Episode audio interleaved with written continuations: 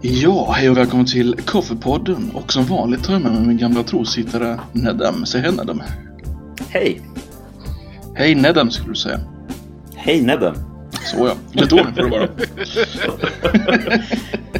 Ja, det är bra. Det är bra att du håller koll. Och vi spelar in det här två dagar efter 30-årsdagen av Berlinmurens fall. Så givetvis har vi med oss Von Adler. Hej Von Adler. Hallå, hallå? Men du vill inte prata om Berlinmurens fall, eller hur? Nej, vi ska ju prata högmedeltiden nu. Vad är då högmedeltiden för de som inte vet? Alltså, man brukar eh, ofta använda den medeltida renässansen på 1100-talet, men vi körde ju fram till 1066 förra gången, så vi kör därifrån och så fram till 1453. När hundraårskriget tar slut och Konstantinopel faller, och då brukar man säga att medeltiden är över. 1453, det var det värsta året i mitt liv. Jaså, levde du då?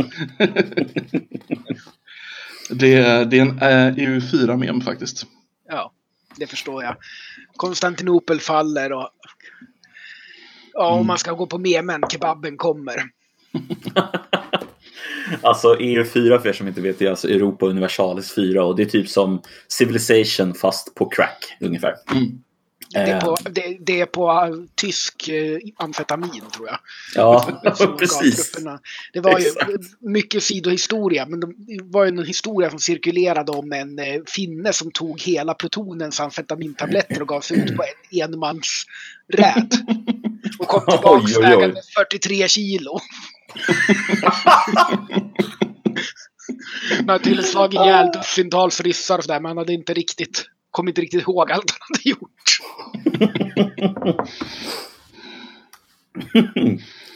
Och Ja. han eh, Vita faran, eller vad kallar man Ja, precis. Han snipern. Ja, fast det är Vita Döden. eh, Vita. Döden. Ja, just det. Vita döden. Mm. Eh, Ja, det är ett fascinerande krig, de där finska krigen. Oh, ja. ja, verkligen.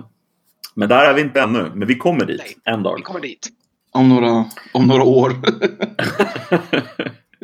Men eh, vart vill du börja då? 1066. Eh, Ja. Där någonstans är vi. Det har vi alltså precis avhandlat eh, slaget vid... Eh...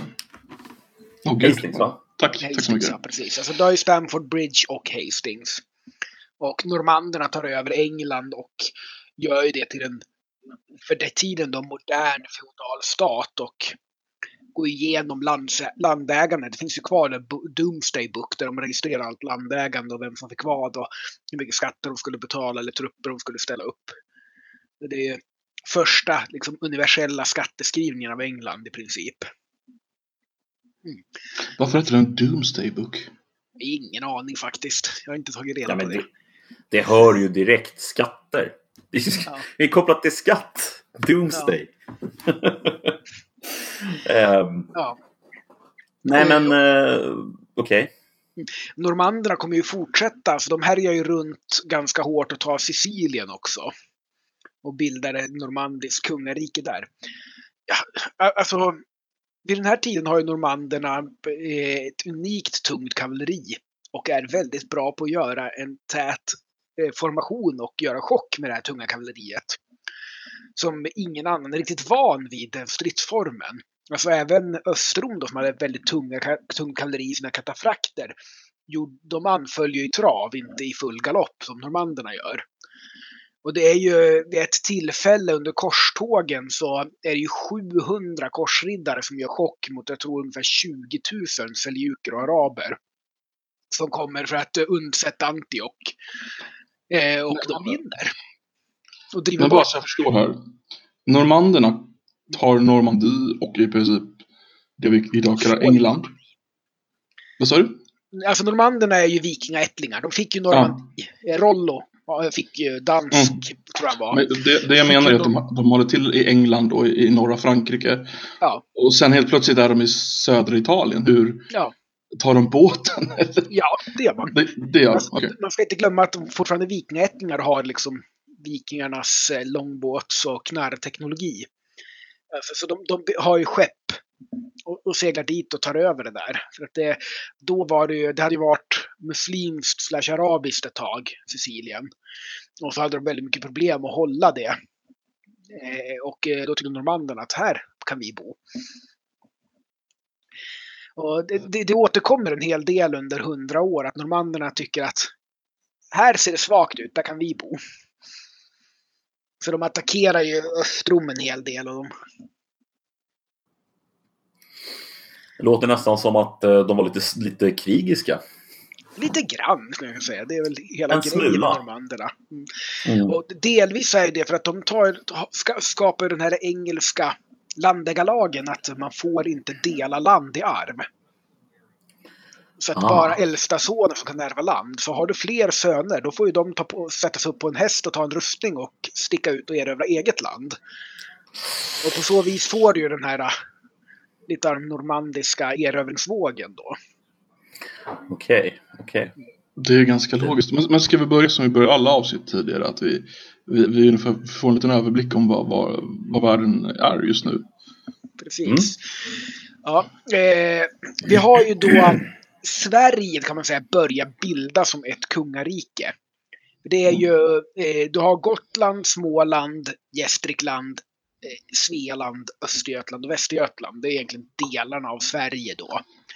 Och eh, det börjar bli så att kungar kungar av både Östergötland, Västergötland och Svealand vid tillfällen. Så att någonstans här börjar idén om att Sverige är ett kungarike uppstå. Eh, Norge och Danmark är ju redan förenade till ganska centraliserade kungariken. Men två olika va?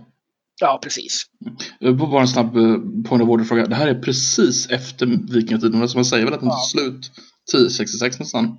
Ja, det brukar man ju säga. Det är när eh, Harald Hårdråde, eller Harald Mm. Sigurdsson, dör vid Stamford Bridge 1066 brukar man säga att där tar vikingatiden slut. Men det där är ju lite iffy därför att eh,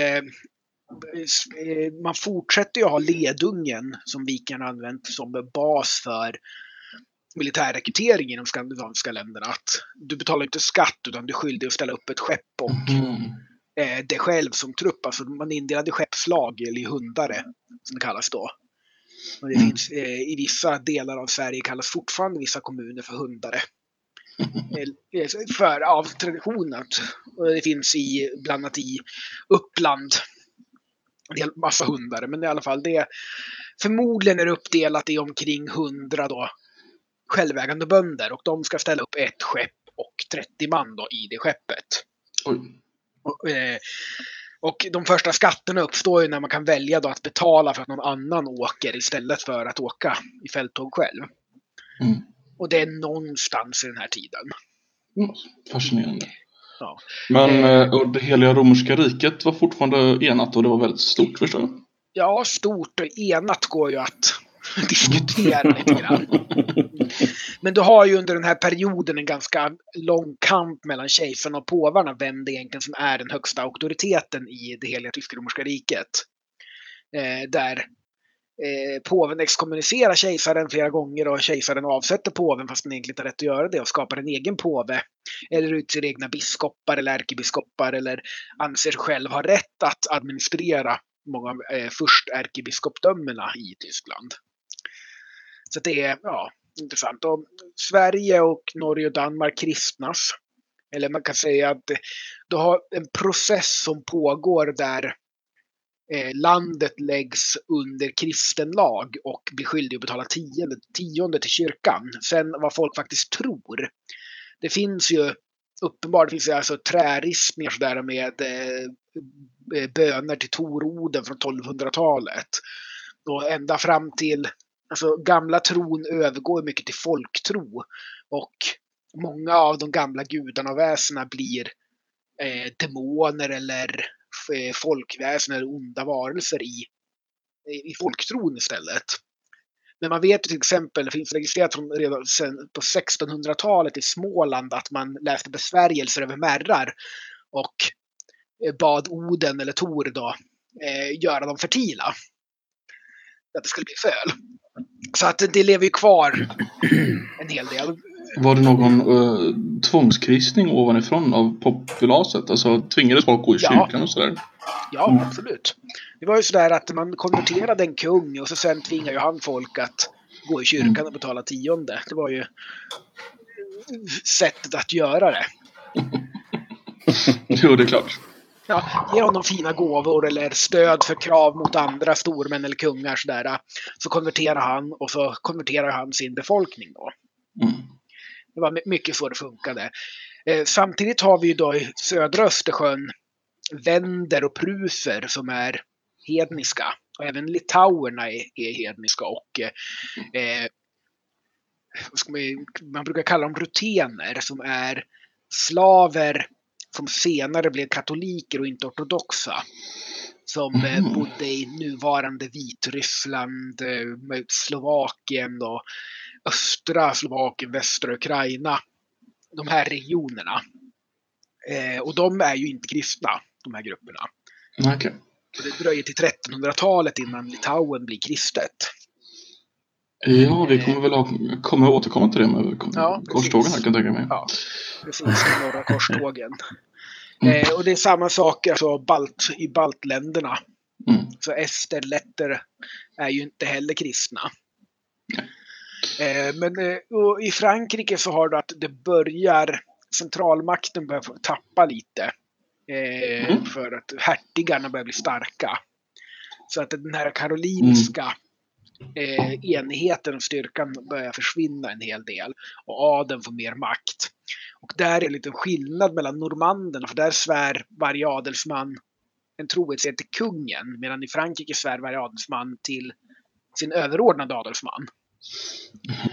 Så det var en kedjesystem liksom. Ja, precis. Och det gör ju en del skillnad om hertigen bestämmer sig i uppror. Då, I teorin är ju alla eh, hans baroner och grevar och sådär eh, skyldiga att tjäna honom och inte kungen. Mm.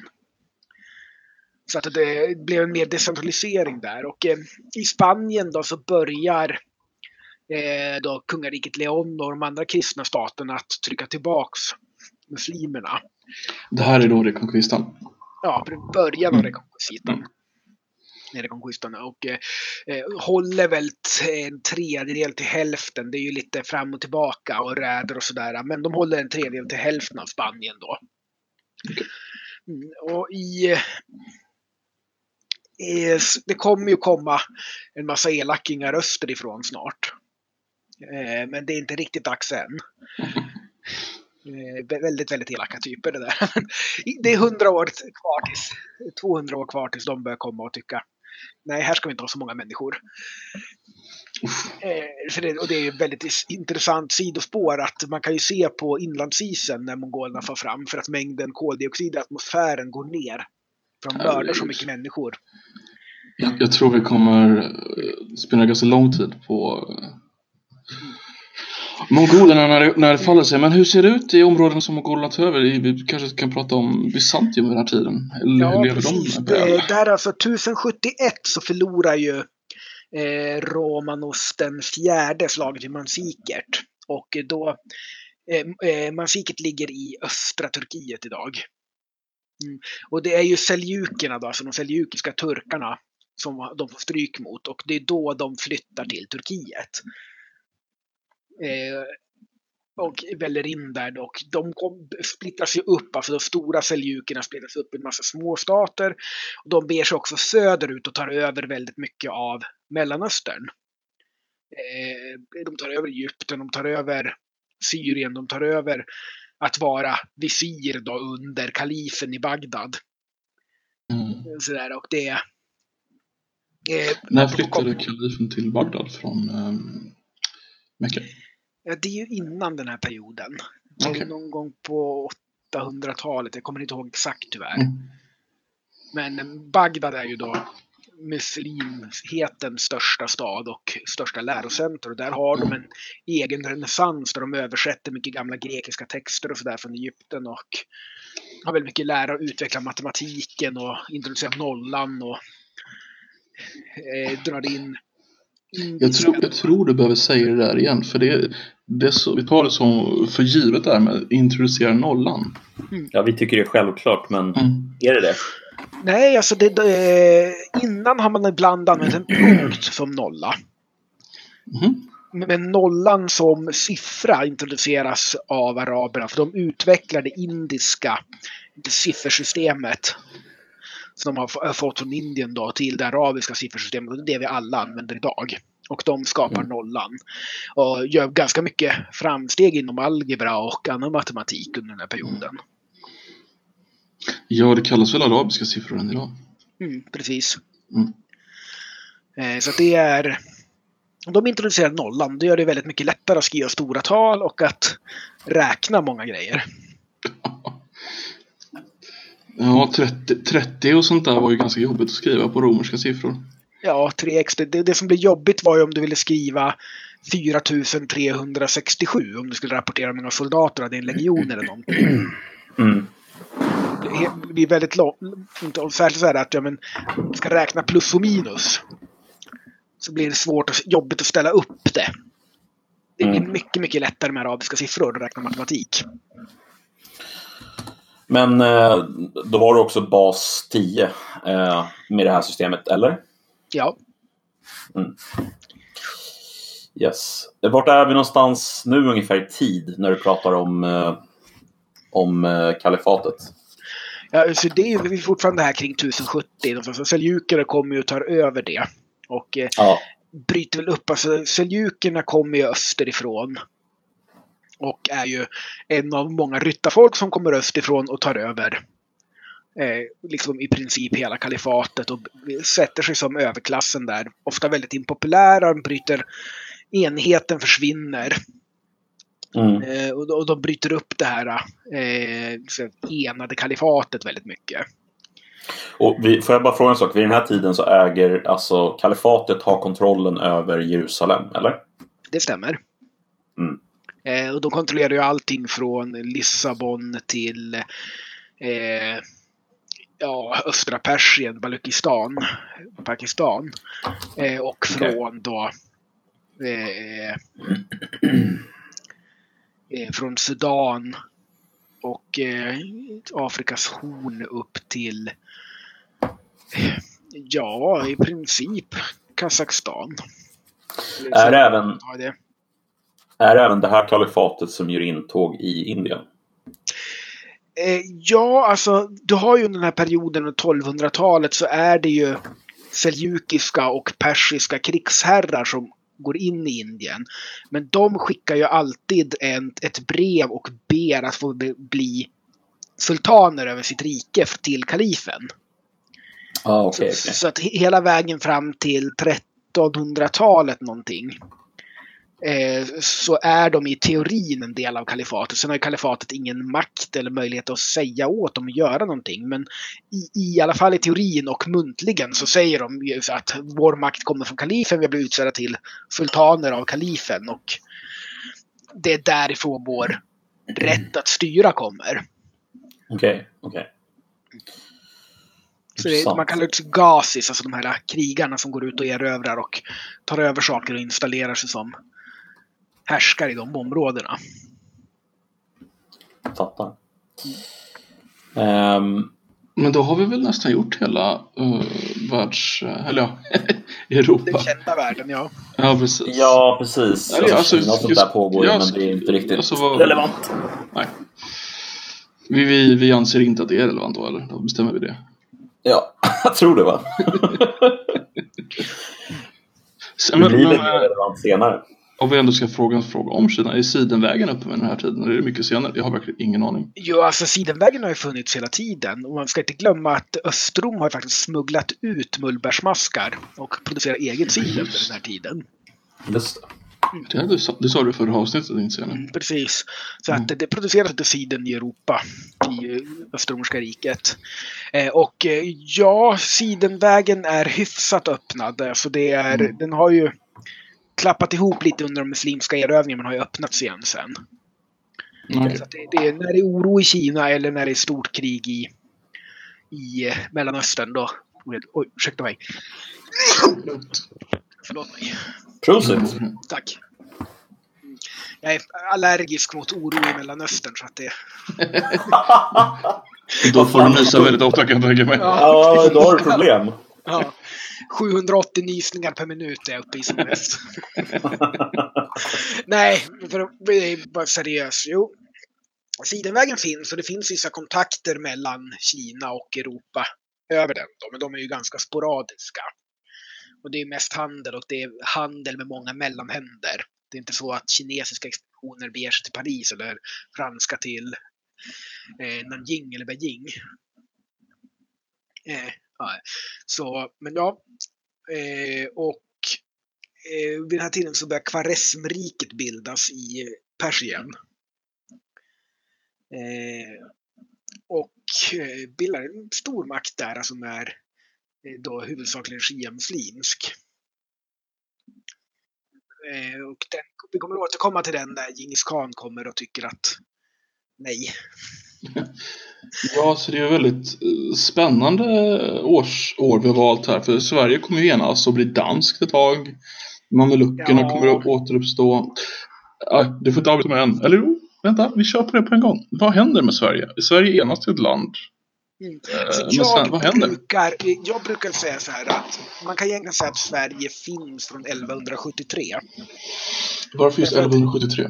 Da- Då är det första gången vi kan bekräfta att verkligen att en person är kung över Östergötland, Västergötland och Svealand. Och Mhm. det inte splittras efteråt. Mhm. Det är då som eh, eh, man, i Östergötland så väljer man Kol och Burislev till kungar. Eh, och eh, de blir besegrade i ett slag då. Eh, och Östergötland åt, erövras och återförenas under samma kung. Men det är uppenbart att i, det finns då folk i det som idag är Sverige som tycker att nej men det här är ett eget kungarike. Vi kan välja den här andra killen till kung och han kan styra här. Men vi kan när som helst välja andra kungar om vi vill. Så att man ser det inte som en enhet utan vi väljer vår kung om vi vill.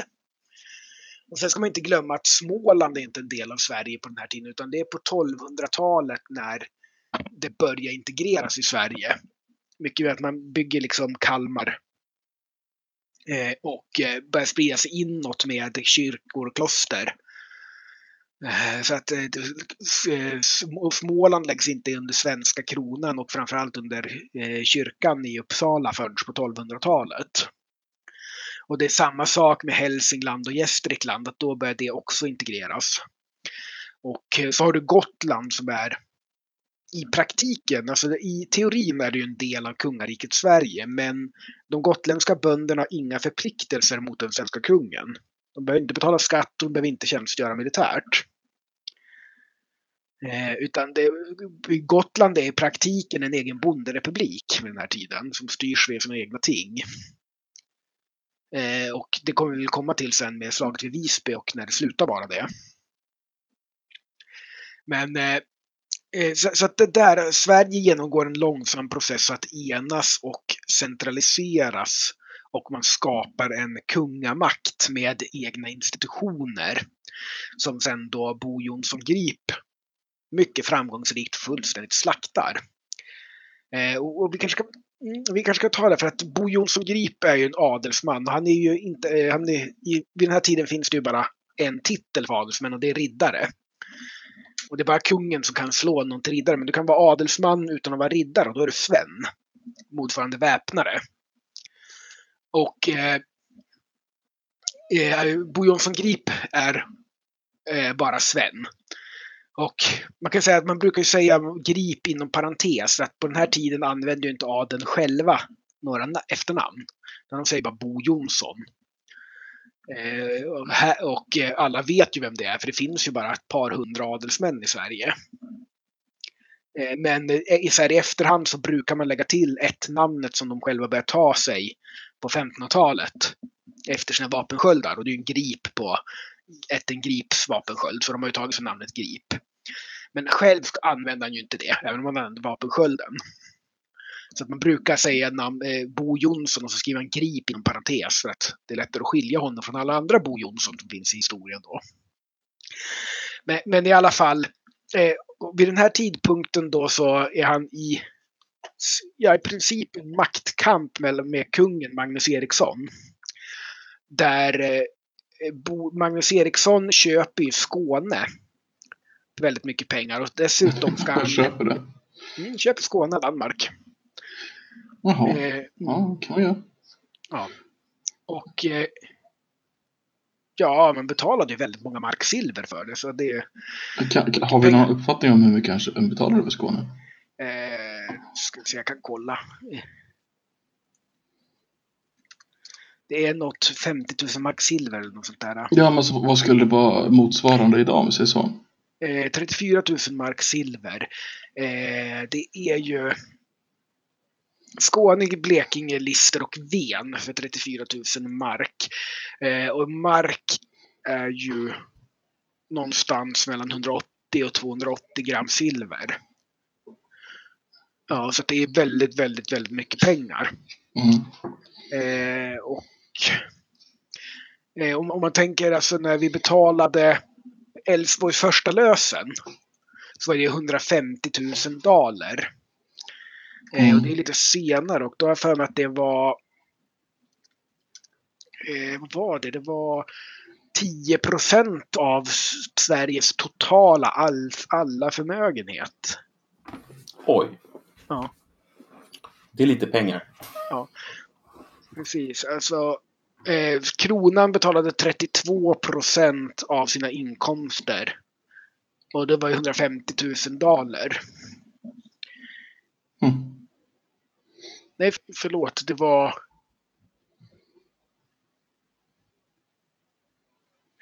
Eh, alla fick betala en tiondel av vad de ägde för att betala de 150 000 dollarna.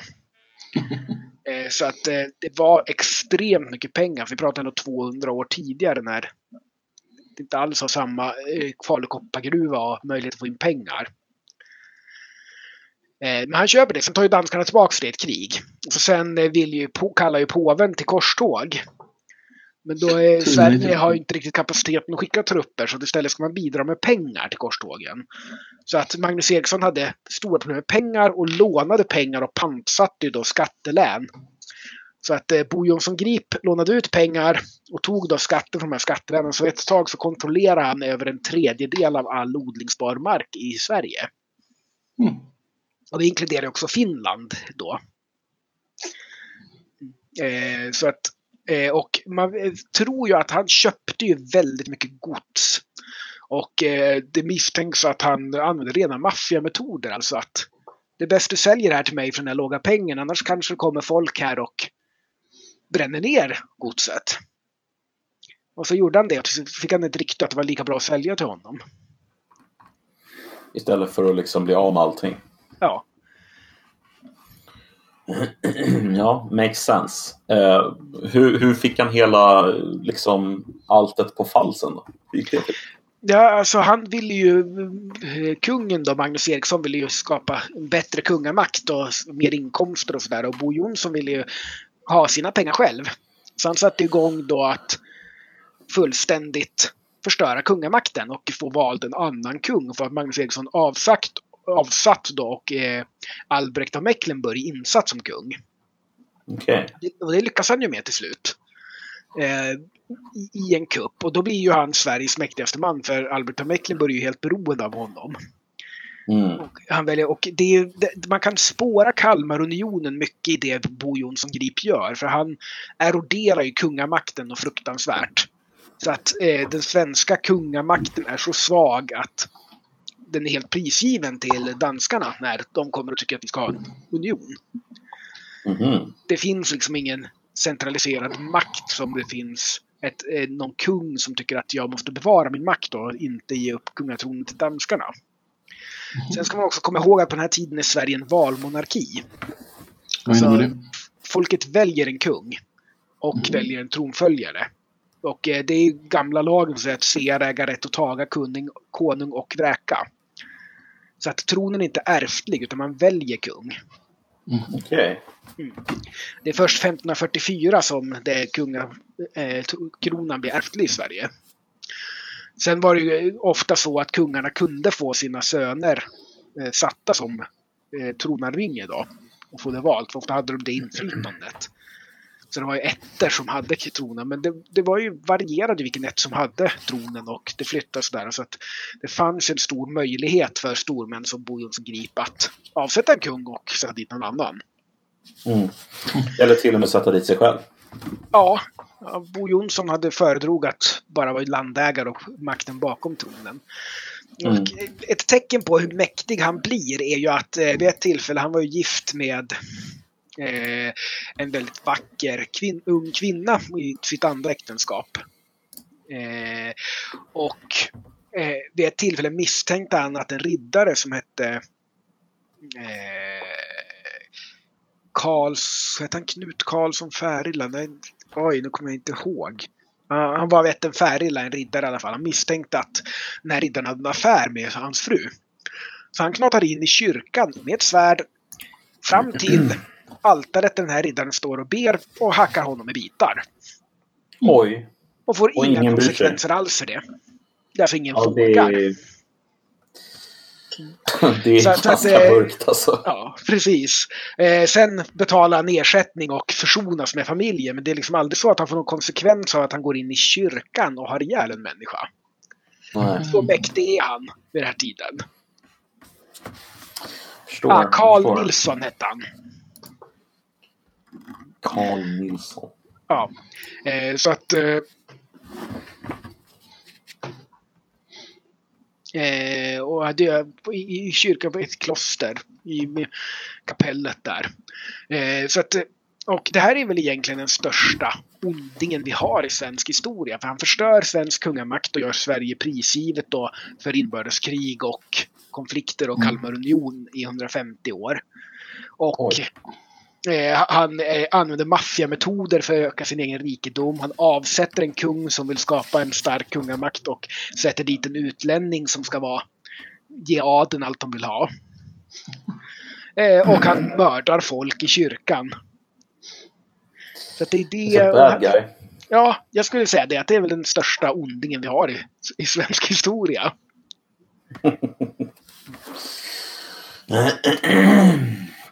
Får inte glömma Magnus Ladulås. Nej, ja fast var han så ond? Nej, jag tror inte det va. Precis. Ja, men det är väldigt... Alltså, det är väldigt okänt vad han gjorde. Mm. Men Ja, jag hade fall- aldrig hört talas om det förut. Så att ja, för mig var det helt Nej, ny information. Precis. Vilket år gjorde han det här sa du? Det, det, vi pratar 1360-tal. 360-tal. Ja. Alltså,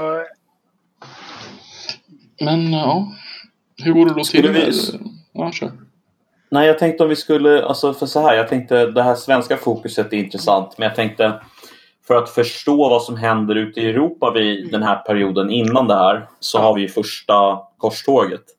Eh, Ja. varför, varför drar man igång korstågen i Europa? Liksom? Alltså det är kejsar Alexios i Komnenos i eh, Östrom som eh, har börjat få ordning på riket igen efter förlusten vid Mansikert då, 1071. Och Mm. tycker att de här normandiska riddarna, det vore bra att ha lite sådana. Så han i intresse av kristlig enighet mot muslimerna så skickar han ett brev till påven att eh, kan inte vi få lite legoknektar och hyra in de här? Hjälp med att återerövra Turkiet, eller Anatolien då, som han tycker det heter. Mm. Eh, och det här missuppfattas. Eller så tycker påven att det är en jättebra idé att försöka få folk att inte slåss mot varandra. Och sätter igång då hela korstågsyran. Just det. Mm. Det är då det här med bellum, bellum sacrum kommer istället Precis. för bellum justum. Precis. Det finns två ord jag vill att du säger vad ålder. Men Det är I- svårt, eller? Tack så mycket. Ja, vad, vad, betyder, vad betyder Deus vult? Kan vi inte bara nämna Gud det? vill det. Varför vill jag att jag tar upp det? Om vi säger så istället. Alltså det var ju korstågens stridsrop. Mm. Leg- legenden säger väl att påven gick ut på, på torget där Mm. och, eh, och hela publiken utbrast det i, i, i kör. Puls vet väl inte hur realistiskt det är. Ja, Nej, precis. det är Europa genomlever ju en, lite av en renässans under den här perioden, alltså sent 1100-tal, 1200-tal. När man börjar gå framåt i arkitektur och handel och sådär. De här handelsrepublikerna i Italien bildas. Och handeln på Medelhavet ökar. Och det, även korstågen leder ju till det här, för man får ju kontakt med mycket av den här arabiska renässansen då. Och även med Östrom. Och mycket kontakter där, mycket lärande, eh, gamla grekiska texter, överlevande romersk teknologi sådär som kommer tillbaks till Mm. Västeuropa då. Och man börjar bygga de här enorma gotiska katedralerna. så superjätteprojekt som tar hundra år var minst. Mm. Eh, Det, det, det är ju faktiskt helt otroligt att man hade den. Alltså det, måste, det måste ju ha legat nere under långa perioder också när man byggde det, eller hur? Ja, precis. Alltså, ofta var det så att det låg ner för man hade inte pengar och det gick på sparlåga och sådär. Och det är många av de här som ändras under byggnationen också. För att det tar ju över en ny, det kan ju vara tre eller fyra eller fem olika arkitekter som har lett det här. Och de har e, helt egna idéer om hur det ska se ut och vad det borde vara. Och så, andra saker blir moderna och så vidare. Men det är just det här att man med strävpelare och gotiska valv och så vidare. Man uppfinner ju mycket ny byggnadsteknik som romarna inte kom i närheten av. Romarna hade inte kunnat bygga en gotisk katedral. Jaha. Vad, vad, vad är det för typ av byggnadstekniker de uppfinner? Alltså det är ju strävpelare man uppfinner mycket. Alltså att man kan avlasta vikt från tak utåt sidan. Okej. Eh, och därmed kan man göra mycket tunnare pelare och högre valv. Alltså romarna har ju det här halvcirkelformade valvet. Mm. och ganska bred, tjocka strukturer som bygger upp det. Och det kan man se på de tidigaste, tidigare romanska kyrkorna. Du har till exempel Hagia Sophia i Konstantinopel. Det är byggd i Mm. romansk stil. Eller Pantheon, Pantheon i Rom. Och det är runt och inte spetsigt och inte alls lika högt. Eh, och inte lika smalt och lämnandes utrymme till fönster och så vidare som den gotiska stilen har. Och på 1200-talet har du också den största katastrofen i världshistorien när eh, fjärde korståget går och plockar Konstantinopel. För att Enrico Dandolo av Venedig då har blivit blindad av, eh, jordblind av eh, östromarna i ett upplopp och där och vill ha sin hämnd. Och när fjärde korståget som är på väg till Egypten får erövra det för att försöka slå ut eftersom eh, korsfararstaten hade problem med att de hade Syrien till norr, eh, Irak till öster och eh, Egypten och Jordanien i princip åt söder. De var omringade och tänkte man skulle ta Egypten för det var den rikaste delen av den muslimska världen då. Som i alla fall man hade access till. Man sätter upp ett stort korståg men man har inte pengar på samma vis. Så när man kommer till Venedig och ska bli fraktad till, av venetianska flottan då till Egypten. Då säger man, nu måste ni betala för det här, vi har inga pengar. Ja, men då kan ni göra oss en tjänst. Eh, så att då, då går man i land och tar Sara då som ligger i mm, nuvarande Albanien tror jag. Eller om det är i Montreal. Ja, det ligger i alla fall på Adriatiska kusten. Eh, och då blir man ju exkommunicerade för det av påven för att man tar ju en kristen stad och plundrar den och det är inte det man ska göra. Och då är det sådär att ja, men nu är vi redan exkommunicerade så nu kan det ju inte bli värre. Så att venetianerna skickar dem till Konstantinopel och där, här finns det pengar. Ta dem så kan ni betala oss. Ja. Och det gör de ju och tar då Konstantinopel och tar, slår sönder då det Östromerska riket i flera delar. Och, och det är ju ett väldigt tydligt skifte där för att varje gång de haft en katastrof innan Alltså Mansikert eller Adrianopel eller så här, det är ett gäng katastrofer genom Östroms historia så de har alltid återhämtat sig. För administrationen och tekniken och eh, institutionerna lever kvar i Konstantinopel och kan bygga upp en ny armé och en ny skatteuppbörd och så vidare. och så vidare. Men när de förlorar Konstantinopel, de återhämtar sig aldrig riktigt. Alltså de tar ju tillbaka stan. Vad är det? Fem, det är 1260 de tar tillbaka den. 1258. 1260 tror jag det är. Eh, så, eh, Nissia, eh, där bildas ett arvrike då som anser sig vara och de tar tillbaka Konstantinopel. Men då har ju seljukerna redan börjat eh, bilda det Osmanska riket. Alltså en av de seljukiska turkiska staterna i Anatolien. Och då om man ska ta EU4 med med bråk, då kommer kebaben. Mm.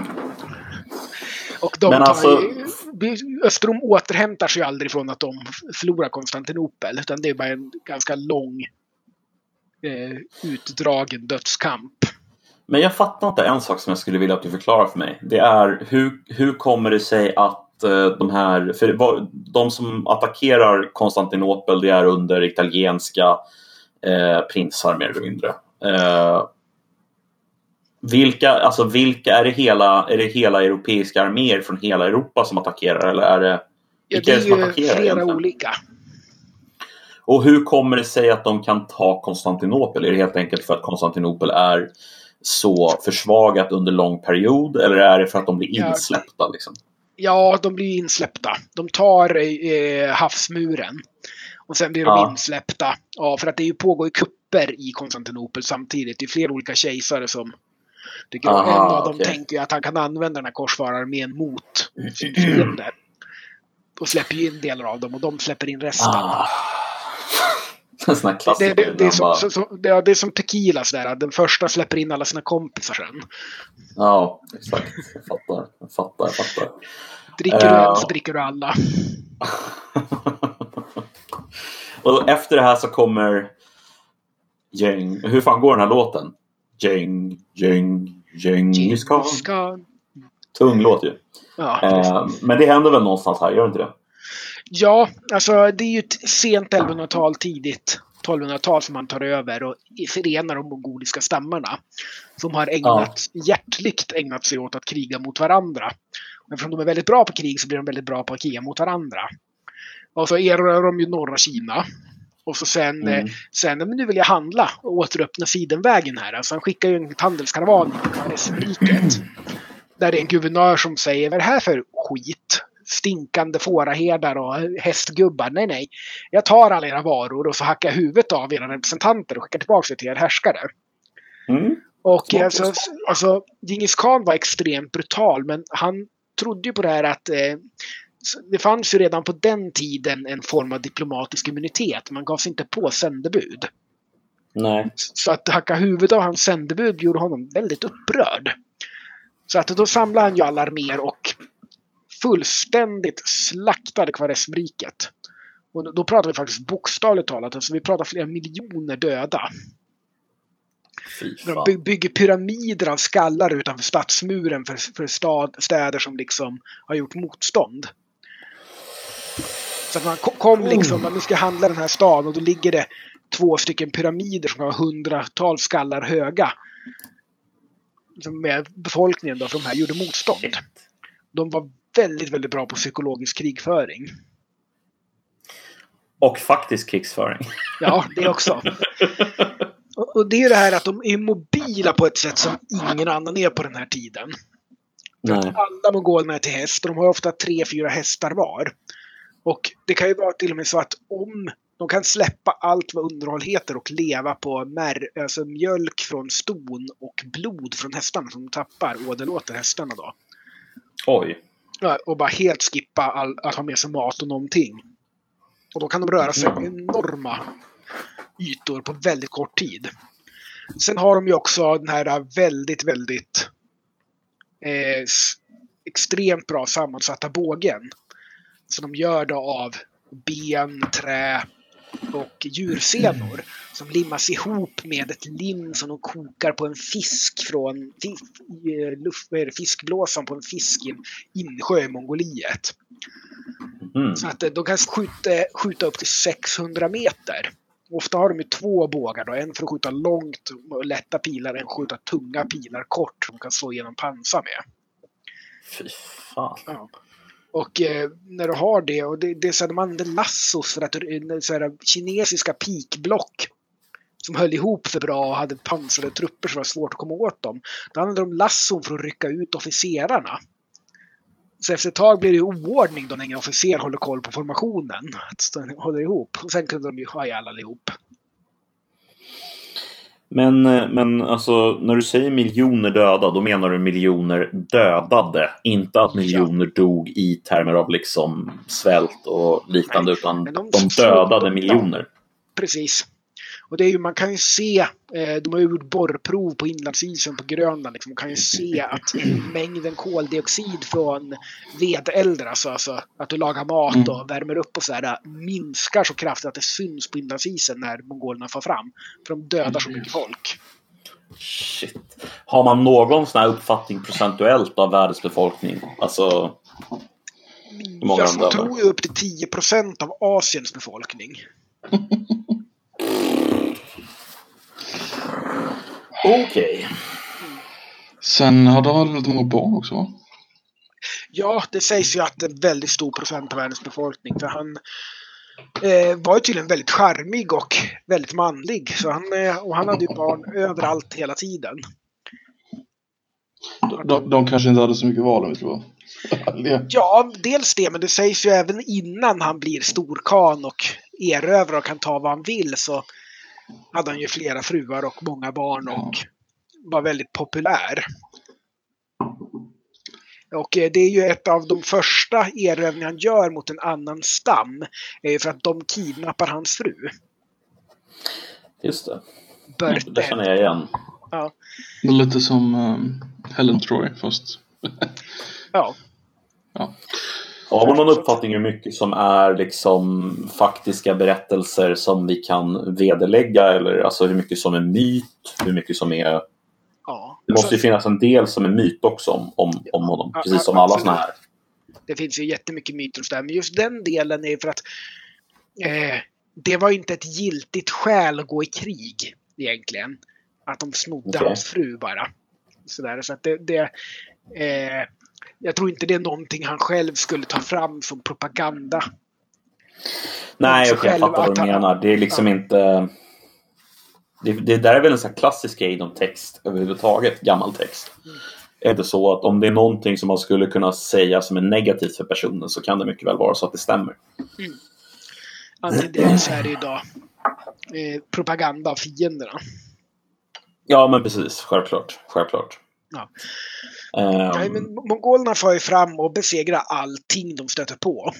Men sen eh, faller det samman också. Alltså, de, de bygger någonting och eh, jag vet inte om ni har sett The Mongol Taj. Det är ju en, en kille som har gjort eh, Youtube-videos med eh, historia och sådär och då är ju varenda gång han nämner mongolerna så har han en liten videosnutt från någon film när mongolerna kommer. Och det är sådär att ja, nomader bygger inte städer förutom mongolerna. Och så här, drun, drun, drun, drun, så är det där. Alltså, eh, och, eh, nomader har inte skrivsystem förutom mongolerna. Så, dun, drun, drun, och, nomader kan inte ta över kulturellt utan de blir assimilerade förutom mongolerna. Drun, drun, drun, och man kan inte invadera Ryssland på vintern om man inte är mongolerna. Och så där, så det, är, Är inte det Crash Course History? det är mycket möjligt att det är. Jag kommer faktiskt inte Mm. ihåg vilken det var. Men det är väldigt roligt i alla fall. Ja. Except for the Mongols. Tiden. Precis, och så den där just lilla just trudelutten med Ja. alltså, mo- mongoler som Ja, anfaller. just det. Det där känner jag igen. Men, Men eh, mongolerna- men- ja, sorry, sorry. Fortsätt du. Okej, tack. Eh, mongolerna invaderar ju eh, islams eh, center där. Eh, Japp. åh, gud, vad heter det? På B.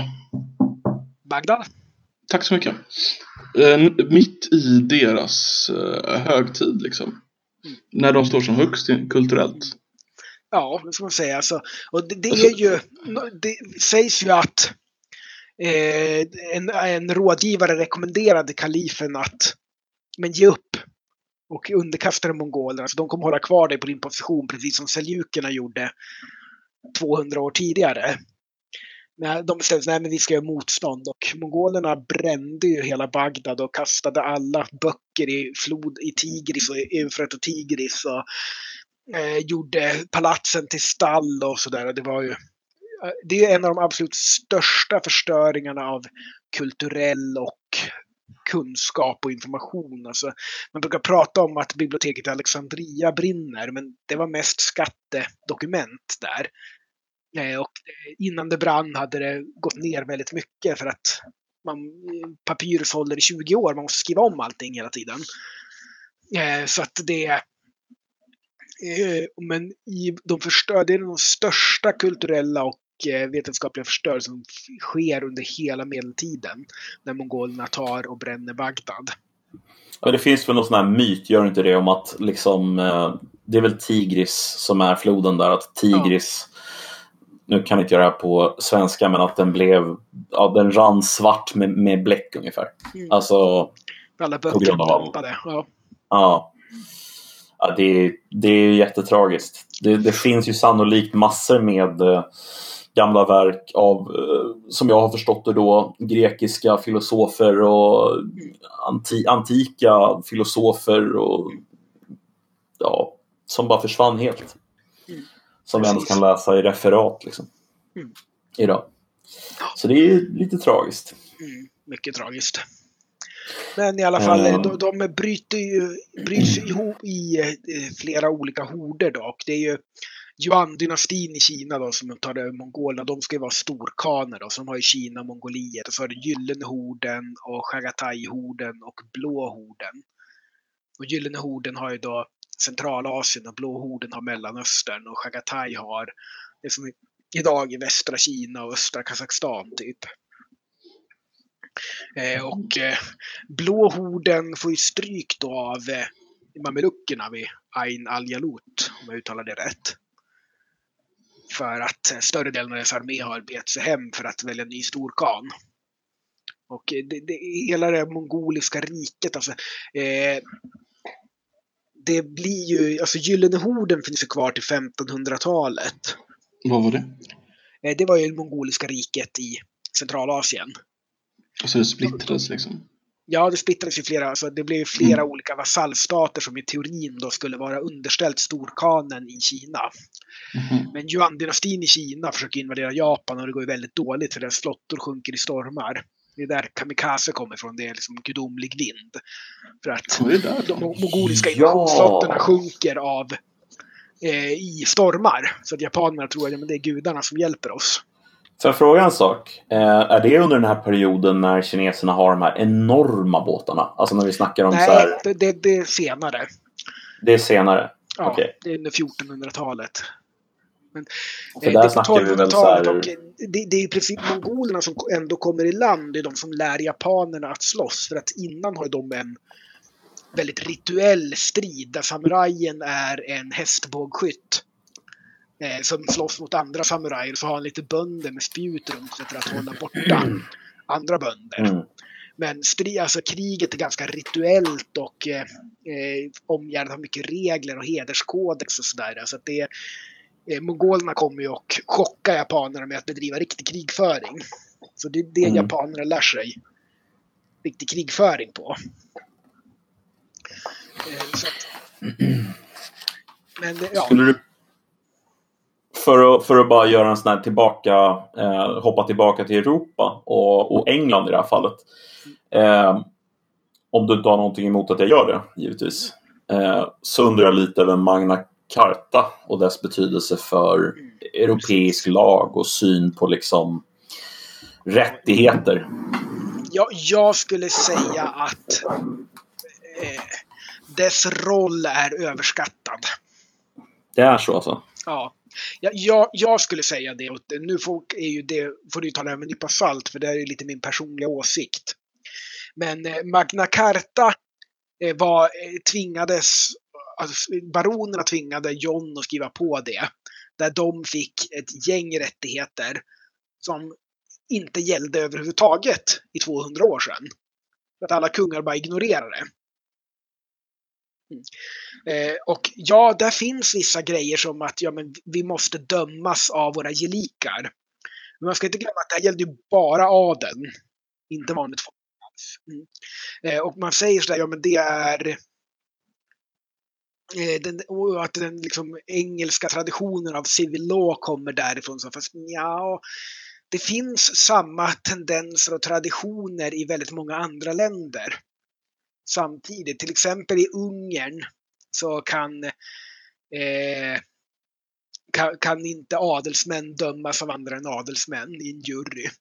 Så att det, det här konceptet finns på ganska många ställen och det här anledningen till att det blir så stort är för att det är parlamentet och det är grunden till den engelska demokratin. Och den grunden används mycket under 1700 och 1800-talet när engelsmän bygger upp liksom sin konstitutionella monarki. Och eftersom de dominerar hela världen då så är det ju deras historia som berättas och de lyfter gärna fram det här som den första konstitutionen eller sådär fast den hade väldigt lite effekt. Så vad du säger är att det här är ett exempel på precis samma sak som vi pratade om i första avsnittet när vi hade med dig. När du pratade om liksom att man har en historieskrivning helt enkelt. Vinnarna skriver historien. Och Ja, på riktigt så skriver de historien. Alltså det blir verkligen så att deras... Det blir centralt helt enkelt. ja alltså det, det blir ju engelsmännen är den stora stormakten på 1800-talet när man börjar intressera sig för medeltida historia och återberätta den. Mm. Väldigt mycket. Och eh, Magna Carta är ju bara, men vi är det liberala, vi hade det här redan då. Man lyfter gärna fram Mm. det. Sen att Mm. eh, tio generationer av engelska kungar fullständigt ignorerade Magna Carta. eh, är ju... Det man inte lika högt om. Nej, precis. Ja, det är bra. Jo, precis. Men- absolut, det kommer där. Det, det, men det är ju en liten del i hela eh, när engelska adeln mot engelska kungamakten och den konflikten som pågår på 11 och 1200-talet. Mm. Och den vinner ju kungamakten sen. Och det är ganska uppenbart att när man kommer till hundraårskriget, när det börjar, så har engelska kungamakten adeln i sin hand och kan kommendera dem som de vill. På ett mycket Mm. mer resurseffektivt sätt än fransmännen kan. När börjar egentligen hundraåriga kriget? 1337. Och hur, hur kommer vi dit? Om vi, om vi ska försöka ta oss från Magna Carta någonstans mitten av 1200-talet eller tidigt 1200-tal, alltså fram till hundraårskriget. Vad, vad är det som händer däremellan och varför startar hundraåriga kriget?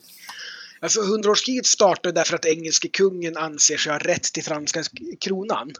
Därför att, eh, eh och det är i grunden en konflikt om salisk lag. Där eh, då fransmännen hävdar att det finns en tradition i Frankrike av salisk lag, så att mm, kronan kan bara ärvas via män. Medan då engelsmännen hävdar att nej, men det kan ärvas genom kvinnor. Och eh, kan det ärvas genom kvinnor så har engelsmännen bättre rätt till kronan än den franske kungen. Så du säger att alltså, engelsmännen var feminister? Är det, är det så jag ska förstå? Det-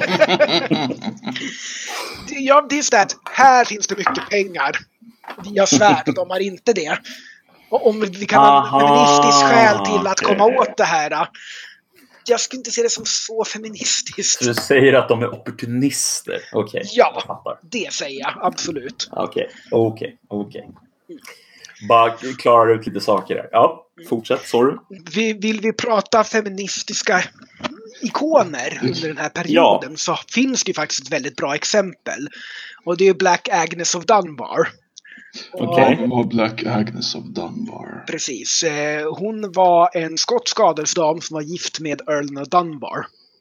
Och han var borta och krigade mot engelsmännen och så kommer engelsmännen och belägrar Dunbar och kräver att hon ska kapitulera.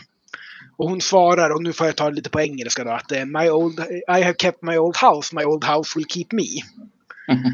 Eh, och då, engelsmännen ställer upp katapulter och trebucheter och skjuter på murarna. Så att då går hon ut med sina ladies of waiting och dammar av murarna varje gång engelsmännen har skjutit på dem. För så här, men ni skickar ju bara damm på våra murar här, det här är ju ingenting.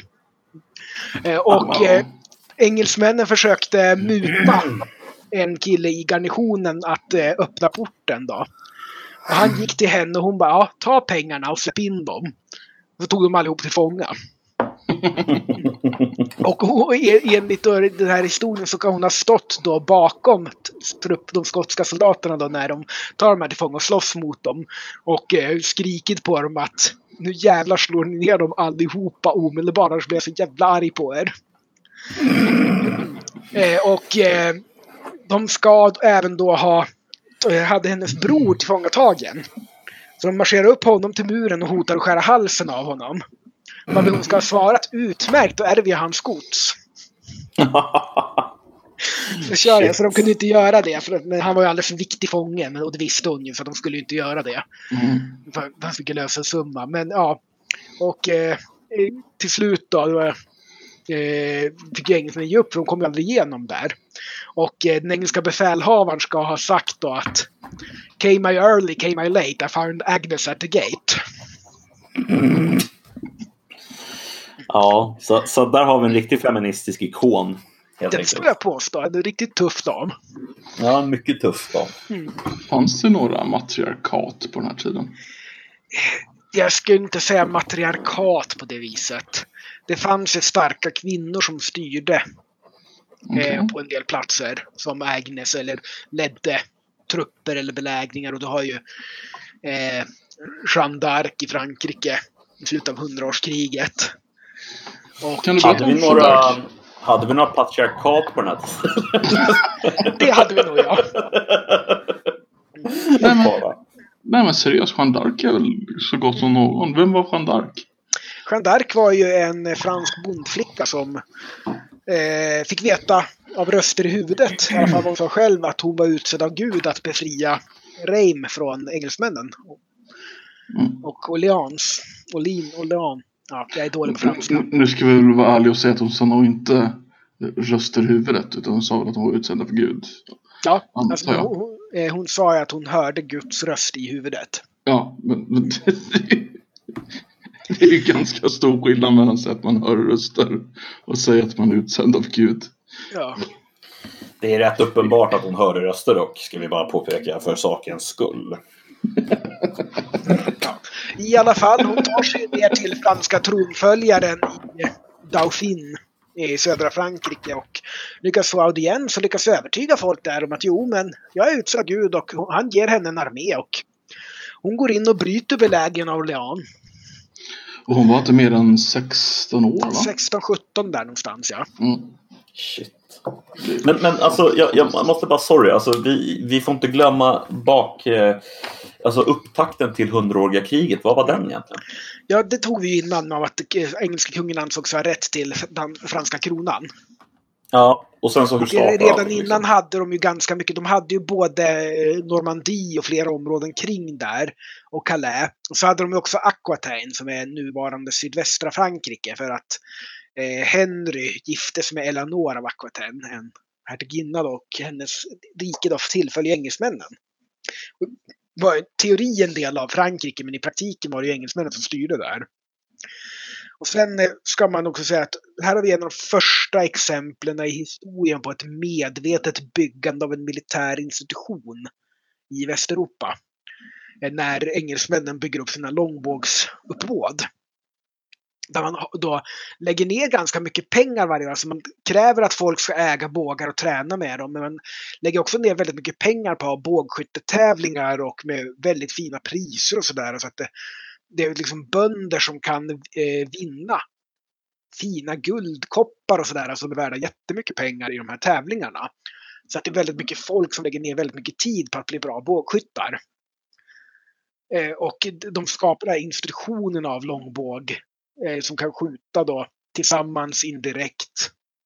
Och de är väldigt otrevliga mot fransmännen då som har för vid den här tiden så har fransmännen uppnått lite rituell krigföring. Så där. Är du adelsman så klär du dig i en väldigt bra rustning och du ger ut på häst och så ger du ut i strid. Men ingen kommer ju sikta på att ha ihjäl dig. För du är värd så mycket i lösensumma. Så för den franska adeln är krig liksom en sport nästan. Ja, det är en del som dör sådär liksom. Men, ja, men det är som i alla våldsamma sporter att en del kan dö i det. Sådär. Men eh, förlorar du, ja men då blir du tagen till slott och så sitter du där som en eh, bortskämd gäst tills din familj kan få fram en lösensumma och sen får du ge dig hem och så börjar man om igen. Och Det- vinner du kan du ta, gör du samma sak mot dem och få en massa pengar. Så man går egentligen plus minus noll i mer tidsfördriv liksom. Ja, alltså, du, du, vinner du så kan du tjäna jättemycket pengar och lägga ner det på att köpa lyxvaror eller mattor eller siden eller nya rustningar och hästar. Sådär. Och förlorar du så har du ju inte förlorat någonting annat än pengar. Det är inte som att du förlorar ditt liv eller ditt gods eller sådär. Så risken är så här, du kan dö eller bli skadad i striden. Så det är i praktiken en våldsam sport. Det är liksom, de som dör är ju eh, liksom, eh, de livegna bönderna eller uppbåden inte adelsmännen. Och det där är, men de engelska långbågsskyttarna är ju, väldigt många av dem är eh, vanliga commoners, alltså livegna eller fris, geoman farmers och fristående bönder. De har inte alls samma koncept och de använder pilbågar och har ihjäl franska adelsmän i enorma mängder.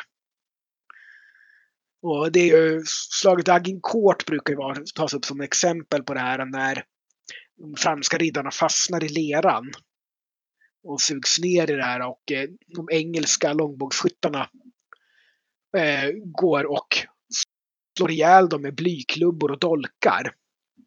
De s- slår, slår, slår in skallen på dem då genom hjälmen med blyklubbor. Eller så har de dolkar och sticker in i liksom ögonhålen Oj, oj, oj. på, på rustningarna.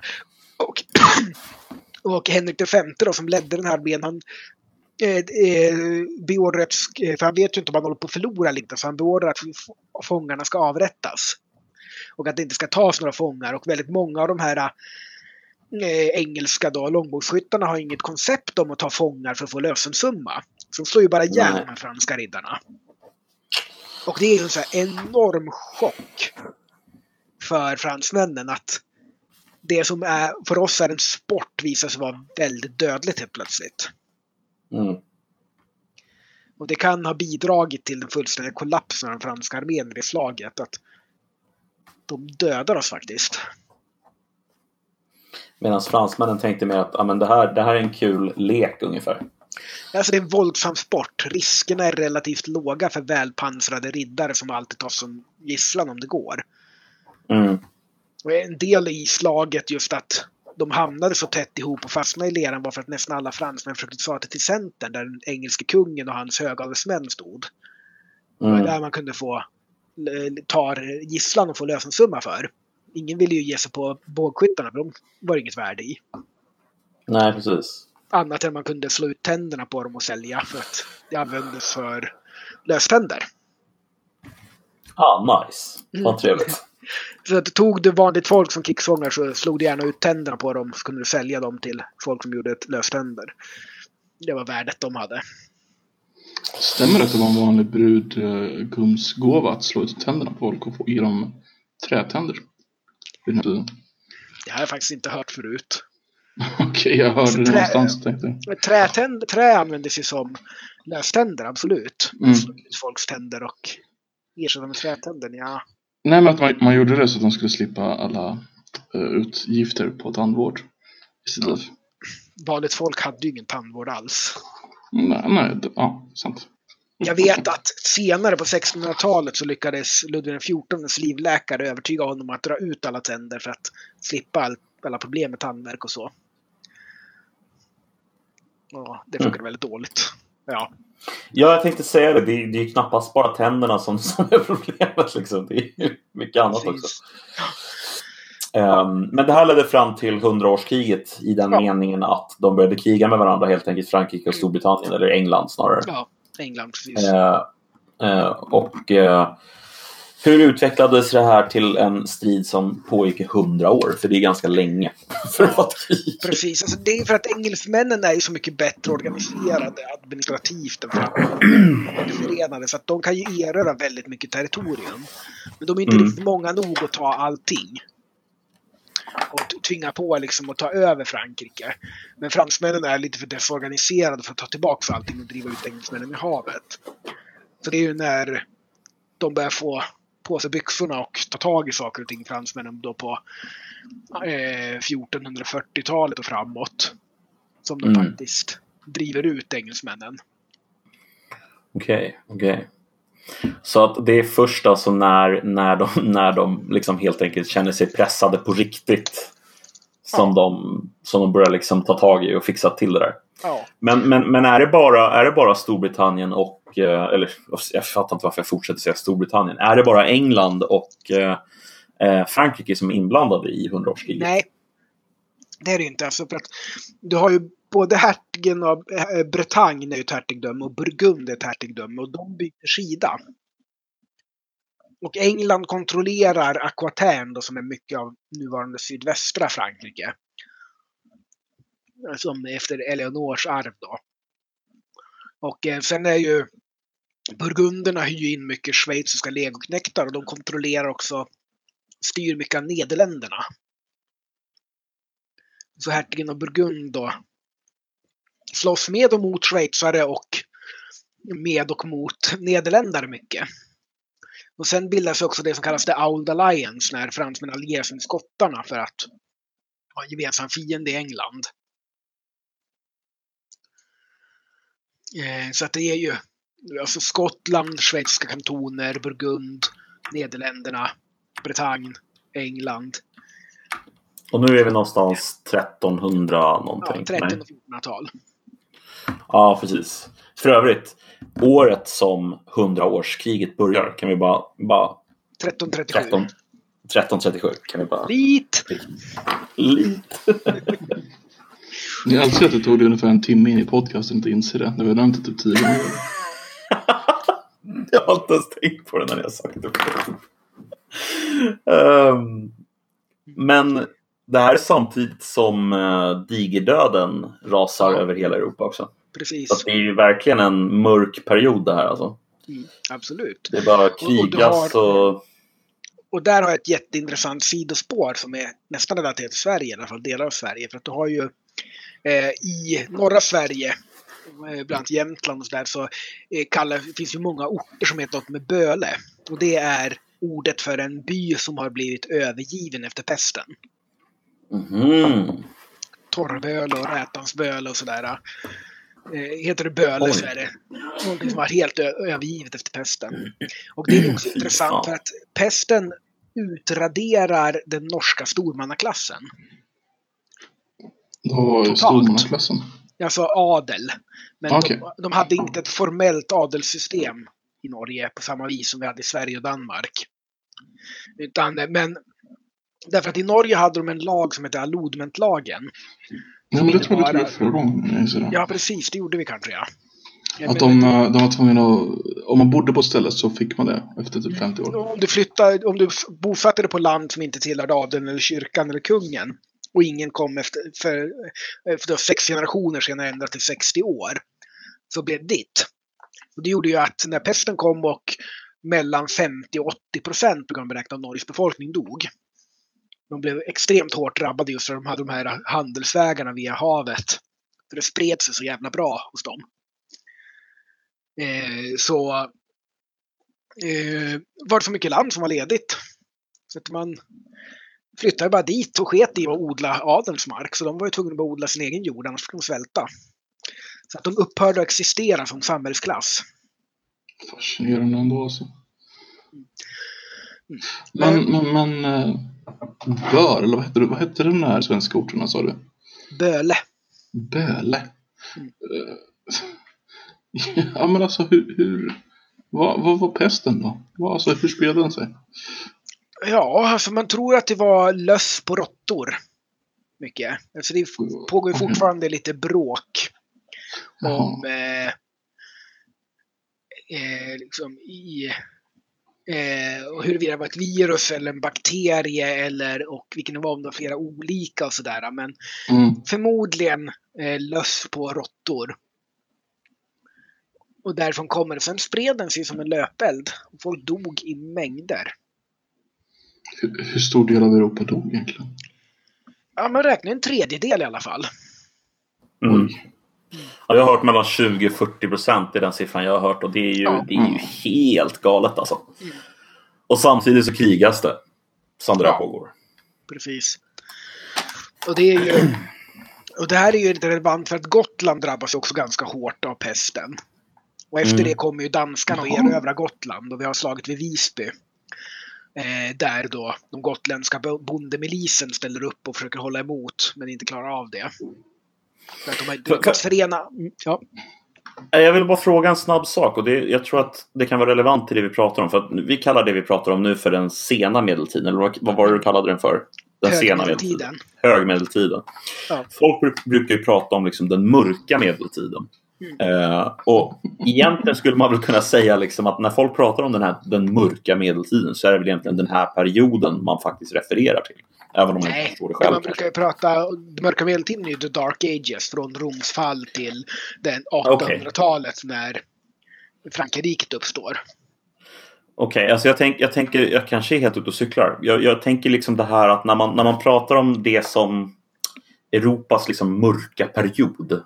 Mm. Alltså så här, där folk dog och det var bara totalt jävla misär. Liksom. Mm. Självklart efter, efter eh, romarrikets fall och så vidare fram till 800 så var det ju hemskt. Men alltså det här måste ju varit en av de hemskare perioderna i europeisk historia, eller?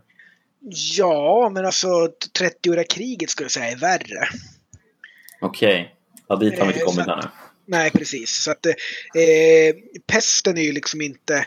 Man märker ju inte en tillbakagång i teknologi. Okej. riktigt som man gör under, eller tillbakagång. Vi, ja, men vi diskuterade ju det i ett tidigare avsnitt, liksom att det var egentligen en tillbakagång och det var mycket utveckling. Men Precis. mycket av de stora institutionerna upphör att existera i det som folk kallar den mörka medeltiden. Och det gör Okej. de ju inte under pesten på samma vis. Okej, så de existerar liksom genom pesten helt enkelt. De, Ja. de överlever. Precis. Mm. Och, ja, i alla fall Visby. Och det, det är Yes, en av de Visby bästa- återkom dit. Precis. Det är en av de bästa källorna till medeltida pansar vi har. Och till folk dog i medeltida slag. För att efter att danskarna hade vunnit så vräkte de ner de här döda bönderna i massgravar utan att ta av dem deras pansar. Så att det är enda fallet vi liksom, där trupperna inte har plundrats i stor utsträckning. Så därför ser vi liksom vad, vad har de för slags pansar på sig, hur funkar det, vilka skador har de? Och det är sådär att det är ändå bönder, men de gotländska bönderna är ändå så rika. Och det vet man ju på alla silverskatter man hittar på Gotland. Det är ju enorma mängder. Att de blev ju rika på handel. Eh, att de hade råd med det som var modernt pansar då, som kallas plata på svenska, eller coat of plates på engelska. Det vill säga alltså stora järnplattor eh, fastnitade vid lädervästar. Ja, och så hade man eh, ringbrynjehuvor, och hjälmar och sköldar och spjut och svärd och yxor. Och man kan se att den stora skillnaden mellan de dan- frisiska legoknektarna och danska trupperna och riddarna och eh, de här bondemilisen är att eh, de har armborst och de har eh, pansar på armar och ben. De danska trupperna. Och det har inte bönderna. Eh, om man hittar liksom folk som har tre stycken armborstpilar i bakhuvudet. Och det är ganska tydligt att man har, jo, man, alltså, de flesta bönderna dör genom ett slag mot huvudet. När de ligger ner. Så att de får skador i armar och ben. Och så ligger de ner. Och då tar någon av dem hjälmen och slår ihjäl dem med ett slag mot huvudet. Men det är en av de absolut bästa källorna till och det är jättefascinerande. Är man i Stockholm ska man gå på Historiska museet och deras korsbetningen-utställning där de har de här skeletten och de här pansarna och väldigt mycket illustrationer av hur den här personen dog och så här, hur slaget måste ha utdelats i små videosnuttar. Det är extremt fascinerande. Det låter väldigt fascinerande. Mm. Det är alltså museet som ligger vid slottet va? Nästan. Precis. Yes. Eh, Stämmer det att uh, digerdöden hade väldigt positiv ekonomisk påverkan på Europa? Delvis ja, så du har en delad reaktion då på att det blir brist på arbetskraft väldigt mycket. ja, just Och i Västeuropa leder det till mycket att livegenskapen luckras upp. Därför att du kan börja locka, folk börjar locka bönder fram och tillbaka sådär att eh, om inte livegenskapen luckras upp rent lagligt så införs den här flyttveckan. Man får ha rätt en vecka i månaden, att, eller en vecka per år, att byta länsherre och flytta till någon annan. Och i England så upphör livegenskapen i praktiken och bönderna får bland annat rätt att låta sina barn ärva eh, ett arrende. Så att eh, adelsmannen har inte rätt att säga upp sin eh, arrendebonde. Och han har inte rätt att, inte, att säga att nej, ditt barn får inte ta över arrendet, utan det har eh, arrendebonden eller den rätt att säga. Och där får du ju då en incitament för bönderna att bygga på sina gårdar och utveckla det, därför att de vet att deras barn kan ärva det. Eh, och det är alltså i Västeuropa så expanderar bönders rättigheter gentemot adeln just för att det blir brist på arbetskraft. Och du får också att folk flyttar mer till städerna och sådär för att det finns mer möjligheter där. Många städer expanderar i storlek. Och det är en del som säger att, eh, att, det, att det kan ske är därför att så många dör under pesten så att mycket eh, skog kan återväxa. För att innan hade städerna börjat bränt ner allt bränsle runt sig så de börjar få svårt att få in. Ja, du ska brygga öl då måste du koka liksom och värma vatten för att det ska jäsa och sådär. Och du behöver värma upp stan och sådär. Så att, och de hade nått kapaciteten de kunde ha. De åt upp allt bränsle runt sig. Men under pesten då så kunde skogarna återväxa och när de väl började bli nedkapade igen så började man använda kol. På ett sätt man inte hade gjort innan. Mm. Men i alla fall, du har... Men i Östeuropa går det istället tvärtom. Att det blir en hårdare livegenskap. För adeln expanderar sin makt och håller kvar livegna mycket mer för att hålla. Eh, då. Och så i Polen och Ryssland så expanderar livegenskapen snarare än luckras upp. Ja, för det där, det där tycker jag är väldigt intressant för att då menar du livegenskapen blir hårdare i Polen och Ryssland.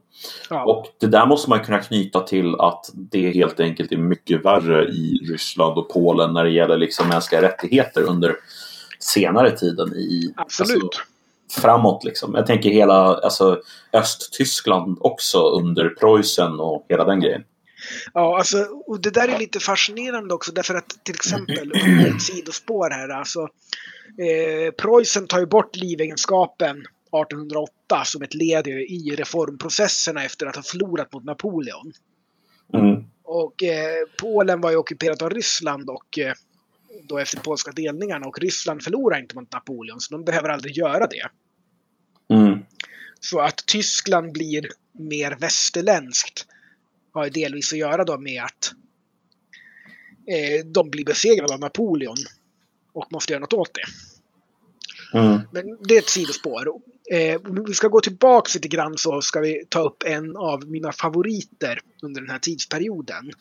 Skulle vi kunna bara, in, in, innan vi gör det, innan vi gör det, innan vi gör det, så tänkte jag och Koffe bara så här, har vi möjlighet att prata lite mer om det fjärde korståget bara, innan vi kliver över till att liksom avsluta hela den här perioden med din... Ja. Eh, för, för du vill prata om, kan du bara säga vad du vill prata om först? Eh, det är om Timulenk och Chagatai-horden. Och den Ja, näst sista det är- stora mongoliska erövringen. och det är någonstans 1300 någonting eller? Ja, slutet på 1300-talet, början av 1400-talet. Ja, om vi bara kan köra, fjärde, köra igenom fjärde korståget bara lite liksom så att vi verkligen får en, en klar bild av vad som hände där. För att påven i, i Rom vid det här Mm. tillfället, eller hur? Mm. Japp. Utlyser ett, eh, ett korståg som jag förstått det. Eh, och varför utlyser man det här korståget? Kan du bara gå igenom det igen? Ja, för Konstantinopel har ju fallit till Saladin. Nej, förlåt, Konstantinopel. Mm. Jerusalem menar jag förstås. Ja, har fallit till Sa- Saladin. Sal- ja, ja. Eh, och då vill man ta tillbaks det.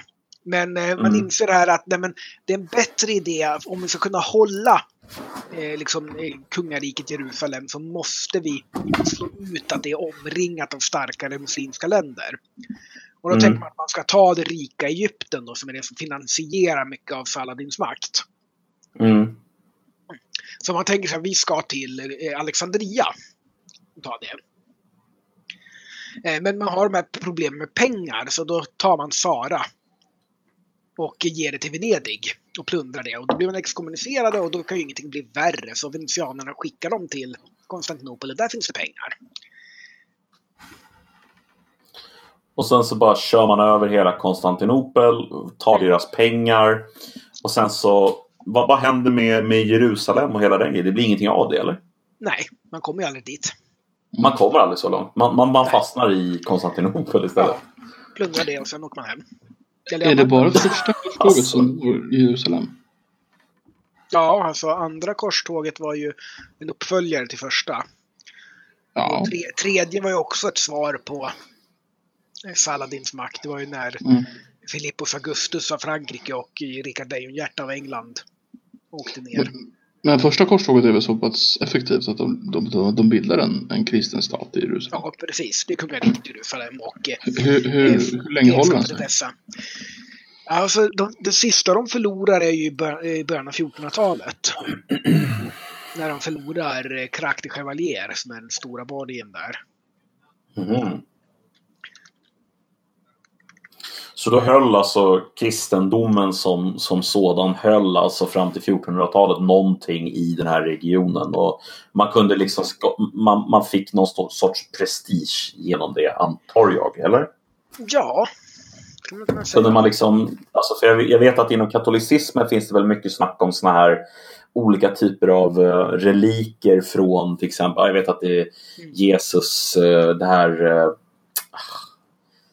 som, som uppenbarligen inte var så eftersom det typ är daterat. Shroud of Turin?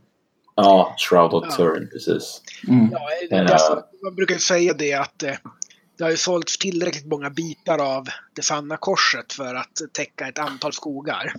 Ja, exakt. Det brukar det är en klassiker. Det finns en liten koppling till Sverige där, därför att eh, man eh, säger ju att eh, eh, staden Köln har ju samma vapen som Sverige, de här tre kronorna, på gyllene kronor på blå botten. Och det är för att de ska ha fått relikerna från de tre vise männen som gav Jesus gåvor. Eh, och eh, de så ligger i, i katedralen i Köln. Ja, just det. Mm, Och det var ju korsfarare från Köln som tog med sig dem där hem. Och sannolikheten är att det är av de tre vise männen, ja. Rätt låg va? ja. Ja. This guy alltså. This fucking guy alltså. Eh, känner vi att vi eh, kan korstågen där eller vill, vi, är det någonting mer vi behöver köra om korstågen för att förstå? Alltså, jag skulle gärna vilja ha en allmän fråga om korstågen. Vad hände med de, eh, de nordiska korstågen? Är det nu? Ja, alltså om du tänker de norra korstågen med de teutoniska riddarna. Så är det på Precis. 1300-talet när de går in i eh, Estland, Lettland och i Ostpreussen. Kan, kan du inte börja med att säga vilka de teutoniska riddarna var först? Alltså det var ju huvudsakligen tyska adelsmän. Mm. Så de hade ju erövrat länderna då i nuvarande Pommern. Mm. i östra kust Men- på men- 1000-1100-talet. Och så sen på 1200-talet och mitten av 1200-talet så bestämmer man vi ska kristna litauerna och Kan, kan jag bara hoppa in där? Det var en slags autonom militärorder under, under, Ja, under påven va? stämmer Mm. bra. Mm. Och eh, du har den livländska orden och den teutonska orden. De var ju i teorin samma men i praktiken skilda åt. Och livländska orden då tar ju Estland Lett och Lettland. Och och slåss ju mot Novgorod och mot litauerna och gör ju teutonska orden, de tar ju Ostpreussen. Det som idag är Kaliningrad och området söder runt det. Eh, och Mm. slåss mot Polen och mot litauerna. Och, där Och finns nu någonstans jätteintressant- 1300-tal. Ja, eh, från 1250 fram till eh, tidigt 1400-tal när de då får jättestryk. Och Okej, okej. börjar en kort tid. Men Då har ju på, eh, vid ett tillfälle tar de först Kestutis till fånga. Som är då bror till storhertigen av Litauen. Och förste av, eller storfursten av Litauen, blir den svenska översättningen. Och blir ju då tillfångatagen, men de hoppas, håller ju honom då i Marienburg i Ostpreussen och tycker att det är relativt bekväm förhållande för de hoppas kunna konvertera honom till kristen enligt modellen. Ja, men konvertera härskarna och så konverterar de sin befolkning. Men eh, han har, ju- liksom, vet ju att det maktförhållandena i Litauen och så där är ju så att, men han är ju, vad är han, lite över 70 år.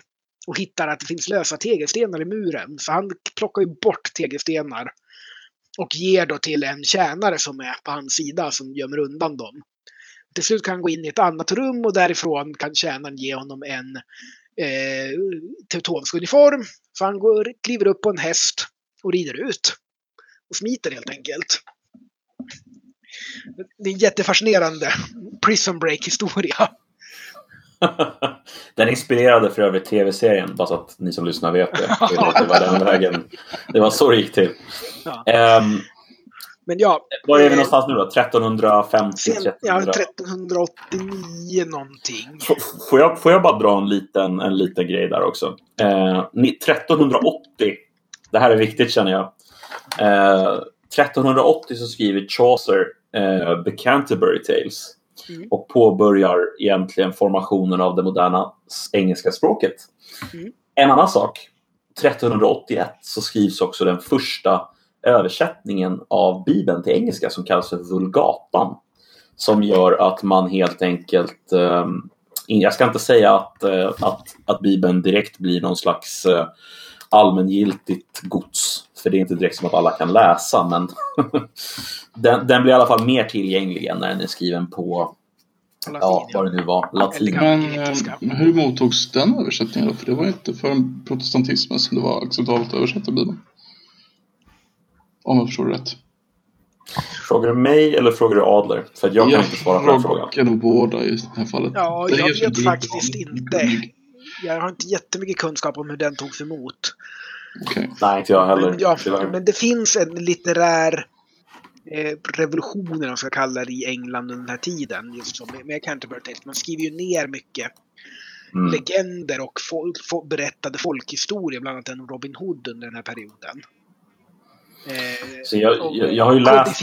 mycket, man, det är ju mycket, eh, eh, vad heter det, eh, eh, squealing fanboyism ska jag vilja kalla det. Svårt att översätta det kring Mm. eh, ridderlighet och eh, Exakt.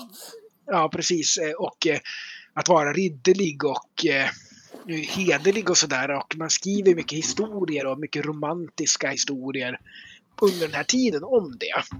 Ja, men det börjar väl, det börjar väl fram, alltså det börjar väl, det börjar väl bli tydligt att den eran, jag ska inte säga att det börjar bli tydligt att den eran håller på att ta slut kanske, men man har någonstans kanske insett att det här ligger bakom oss i alla fall. Alltså, det är helt andra eh, saker som håller på att hända liksom, i Europa vid den här tiden. Jag menar, det blir väl inte, det är väl inte långt härifrån som vi börjar kunna skriva böcker eller printa böcker och alltså hela, allt det där börjar ju hända liksom. Så att, Precis.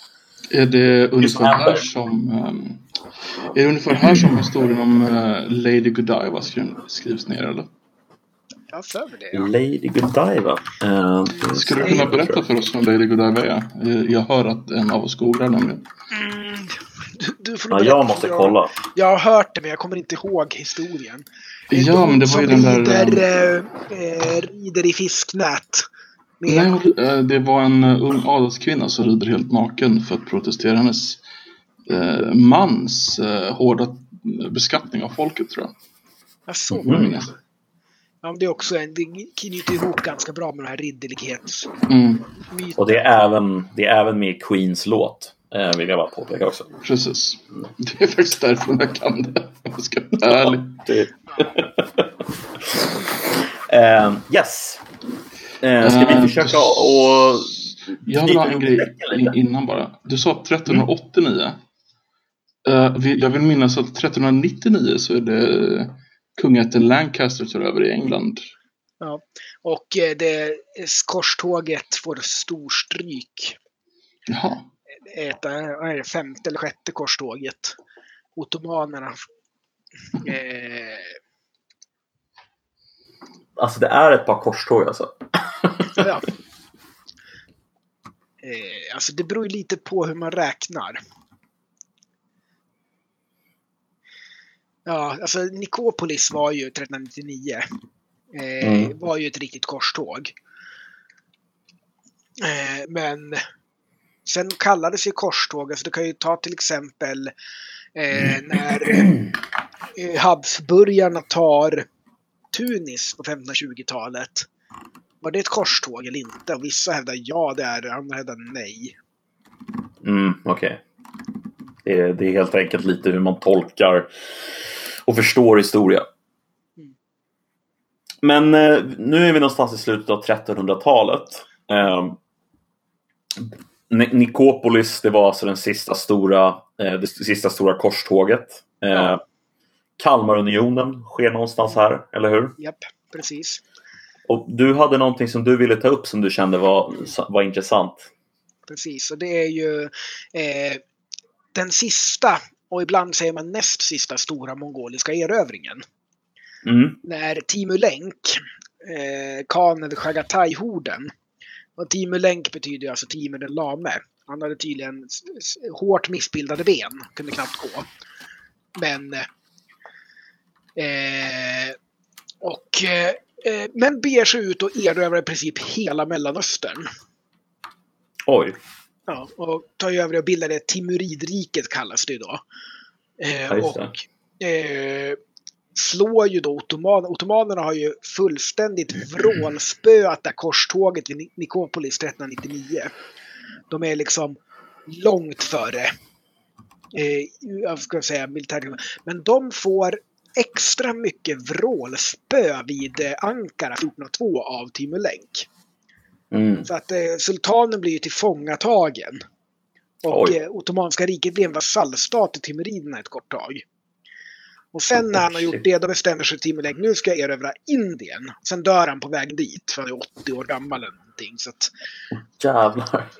han slutade inte rida har- erövrings... Ja, Han har alltså varit med ända sedan alltså 1370 så etablerade han Timurid-dynastin. Mm. Ja, det är sjukt alltså. ja. Och hans stat kollapsar. Alltså, hans sonson Shahrukh återerövrar ju mycket av det återblivna. När han dör då kollapsar riket. Men eh, Shahrukhs sonson? För att eh, eh, Timur var ju son, son, son eller någonting till Djingis khan. Rakt ner till Endelén i alla fall. Och Mm. eh, det var ju även Shahrukh då. Och om det är Shahrukhs eh, son, brorson, jag kommer inte ihåg exakt, men det är ju Babur. Som eh, i princip bara kontrollerar eh, Kabul. Och tar en armé därifrån och erövrar hela Indien. Och blir, bildar Mughalriket. Babur Tiger. Och, det, och det kan sägas vara den sista stora mongoliska erövringen. Okej. Eh, Men jag, antingen kallar man Timuriderna eller Baburs erövring den sista stora mongoliska erövringen. För det var ju, vi kommer med hästbågskyttar och fuckar upp din vardag väldigt hårt.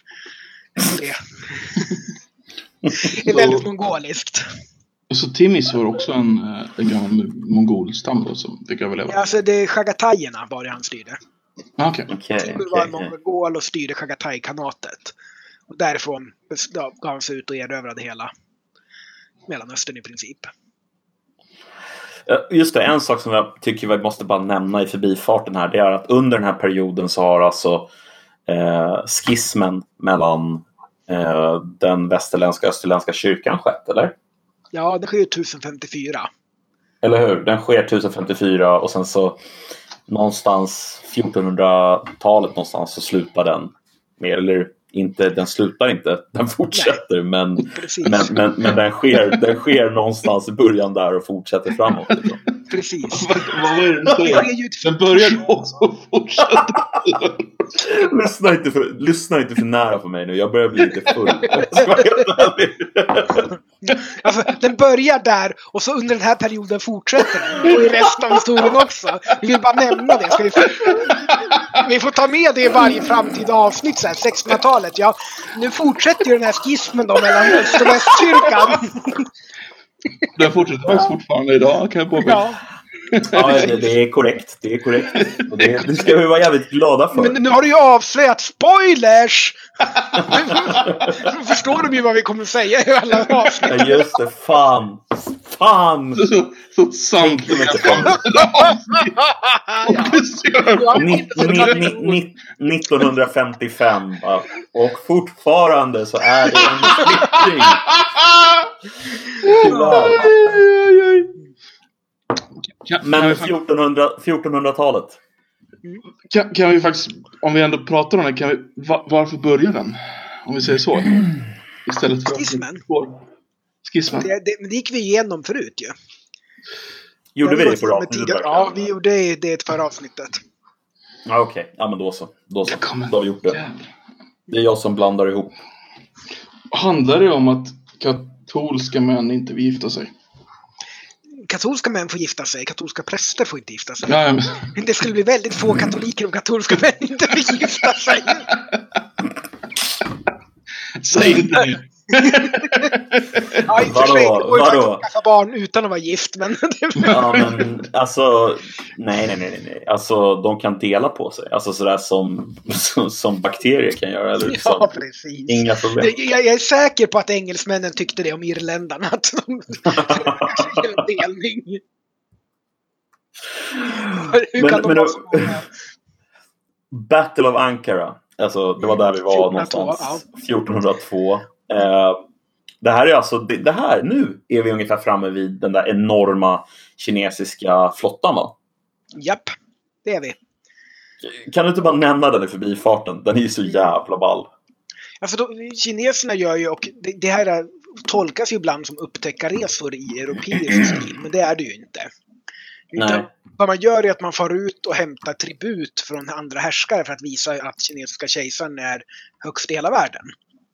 Mm. Och, men man har ju också med sig gåvor för att tjej, kinesiska kejsaren är ju också den mest generösa. Så det man gör är att man ger gåvor och så får man tribut med andra grejer Okej. med det hem. Så att det är handelsresa slash vi är bäst och snyggast resa. Erkänn det så kommer vi inte räcka ert shit. Så, så du vi är bäst och snyggast resa? Ja, alltså det, det, det man far ut är ju för eh, kejsarens härlighet, liksom att få andra Ja, det är härskare att erkänna att prestige, Ja, eh, en grej liksom. prestigegrej, absolut. Mm. Men För vi snackar ja, helt men upp- enormt stora skepp, eller hur? Ja, fast de riktigt stora skeppen användes bara på floderna, de seglade inte. Mhm. Nej. Det var okej. mer norma, normalstora skepp som kanske var två, tre gånger så stora som de stora europeiska skeppen. Ja, det är bara, det är bara två, tre gånger. Men hur stora 20-30. skepp hade de på floderna då? Alltså, hur, hur De var ju stora som Finlandsfärjor. Då, då är det ungefär Det är som de romerska båtarna. Då, som vi pratade om förra avsnittet. Ungefär lika stora som de romerska då, som vi pratade om Ja, för, förra precis. avsnittet. Ja. Det, det finns ju tydligen någon särskild storlek för grejer som ska flyta som man super på.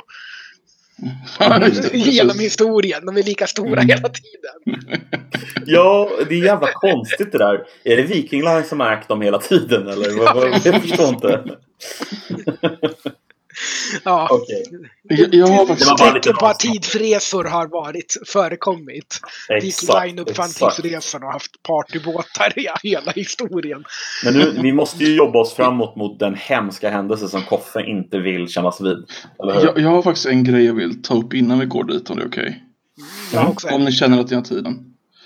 Mm. Ehm, alltså, vad, vad händer med det heliska romerska imperiet? För det är ju egentligen en, en så pass stor grej genom historien och det känns som inte vi har... Vi tog upp grundandet i förra avsnittet.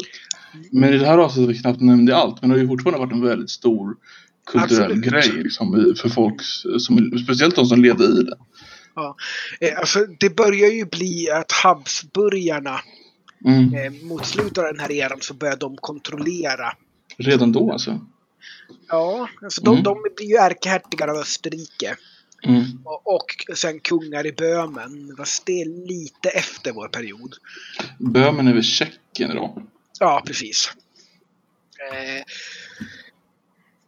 men eh, det blir lite decentraliserat samtidigt som de Habsburgarna försöker få ihop det igen. Och det kommer vi komma till den bråket om centraliseringen eller icke-centraliseringen av kejsardömet och det, ihop med religionskrigen sen. Men Mm. hur fungerar kejsardömet, alltså hela romerska imperiet idag? Alltså vi säger, säger slutet av 1300-talet. Har det varit en större förändring de senaste 200-300 åren? Ja, alltså det, på, det är ju mycket mindre centraliserat. Alltså kejsaren har mycket Mm. mindre makt jämfört med adeln än det var innan. I praktiken så förlo- i, i längden förlorade ju kejsaren den här kampen med påven och med adeln Mm. om vem det är som har makten i kejsardömet. Men det här beror ju också mycket på att kejsarna har varit väldigt upptagna med annat. Jaha.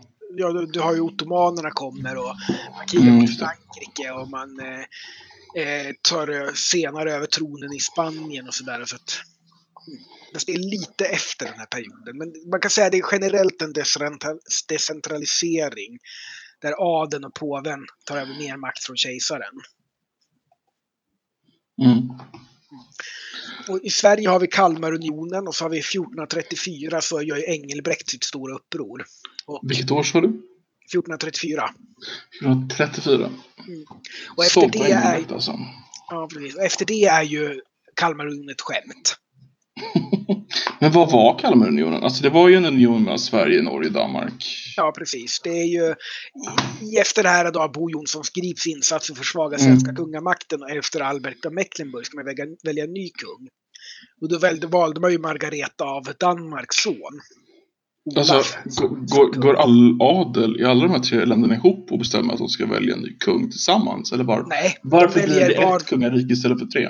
Det är det jag vill veta. Eh, Därför att eh, man, man känner att eh, Hansan börjar bli starkare. Mm. Och eh, man bråkar lite med Novgorod kring då, vart gränsen i Sverige öster går, om Viborg och sådär. Okej. Mm. Man känner att man vill ha, jag vill ha en stark kungamakt. Andra vill ha en svag kungamakt eller en kungamakt som är långt bort så man kan göra vad man vill. Och båda Mm. de sidorna ser ju Danmarks monark som, ja men det kommer vara långt bort men ändå mäktig nog att hjälpa oss när det behövs. Okej. att eh, man väljer Margaretas son då, och då är det i praktiken henne som regent då till kung. Och precis innan har hon lyckats få igenom det i Norge också. Så då förenas ju Norge, Sverige och Danmark i Kalmarunionen. Ja, Men det är inte så att eh, de tre, man väljer ju i vardera kungarikena väljer ju då adeln och tingen. Så, så, hur mycket självstyrelse hade Sverige? Eller Danmark eller Norge? delen? Det här varierar. Varierar det mellan länderna eller varierar det mellan åren eller varierar det mellan alla tre? Det varierar, det varierar med alla tre, det varierar med tid, det varierar med... Alltså mycket sådär är att när kungen är på plats med en armé, då har han ju väldigt mycket makt. Mm. När han inte är det, har han inte det. Nej, Och, nej. eh, det är ju, Engelbrektupproret kom ju till därför att danskarna krigar mot Hansan, eller staten i norra Tyskland som har stöd av Hansan. Så Mm. att sal, saltimporten försvinner ju från Sverige och då får ju svenska bönder lida för att danska kungarna har ambitioner. Okej. Eh, Ja. Eh, så... Eh, Man äh, växer det- sig sen... Nej, kör du. Urs- Ursäkta. Eh, det, och det är ju då att, eh, att eh, danskarna har utnämnt biskopar istället för att påven gör det. Att eh, man tar den här salthandeln och att man tar ut Okej. skatter och att man utnämner danska fogdar. Och det finns en väldigt stor kulturskillnad mellan Danmark och Norge, Danmark och Sverige i den här perioden. Att Sverige har ingen livegenskap. Varken lagligen eller i Vad innebär praktiken. livegenskap? Alltså att bönderna inte äger mark utan eh, inte Mm. heller har rätt att flytta från godsen. I Sverige ägs ju nästan hälften av jorden av självägande bönder.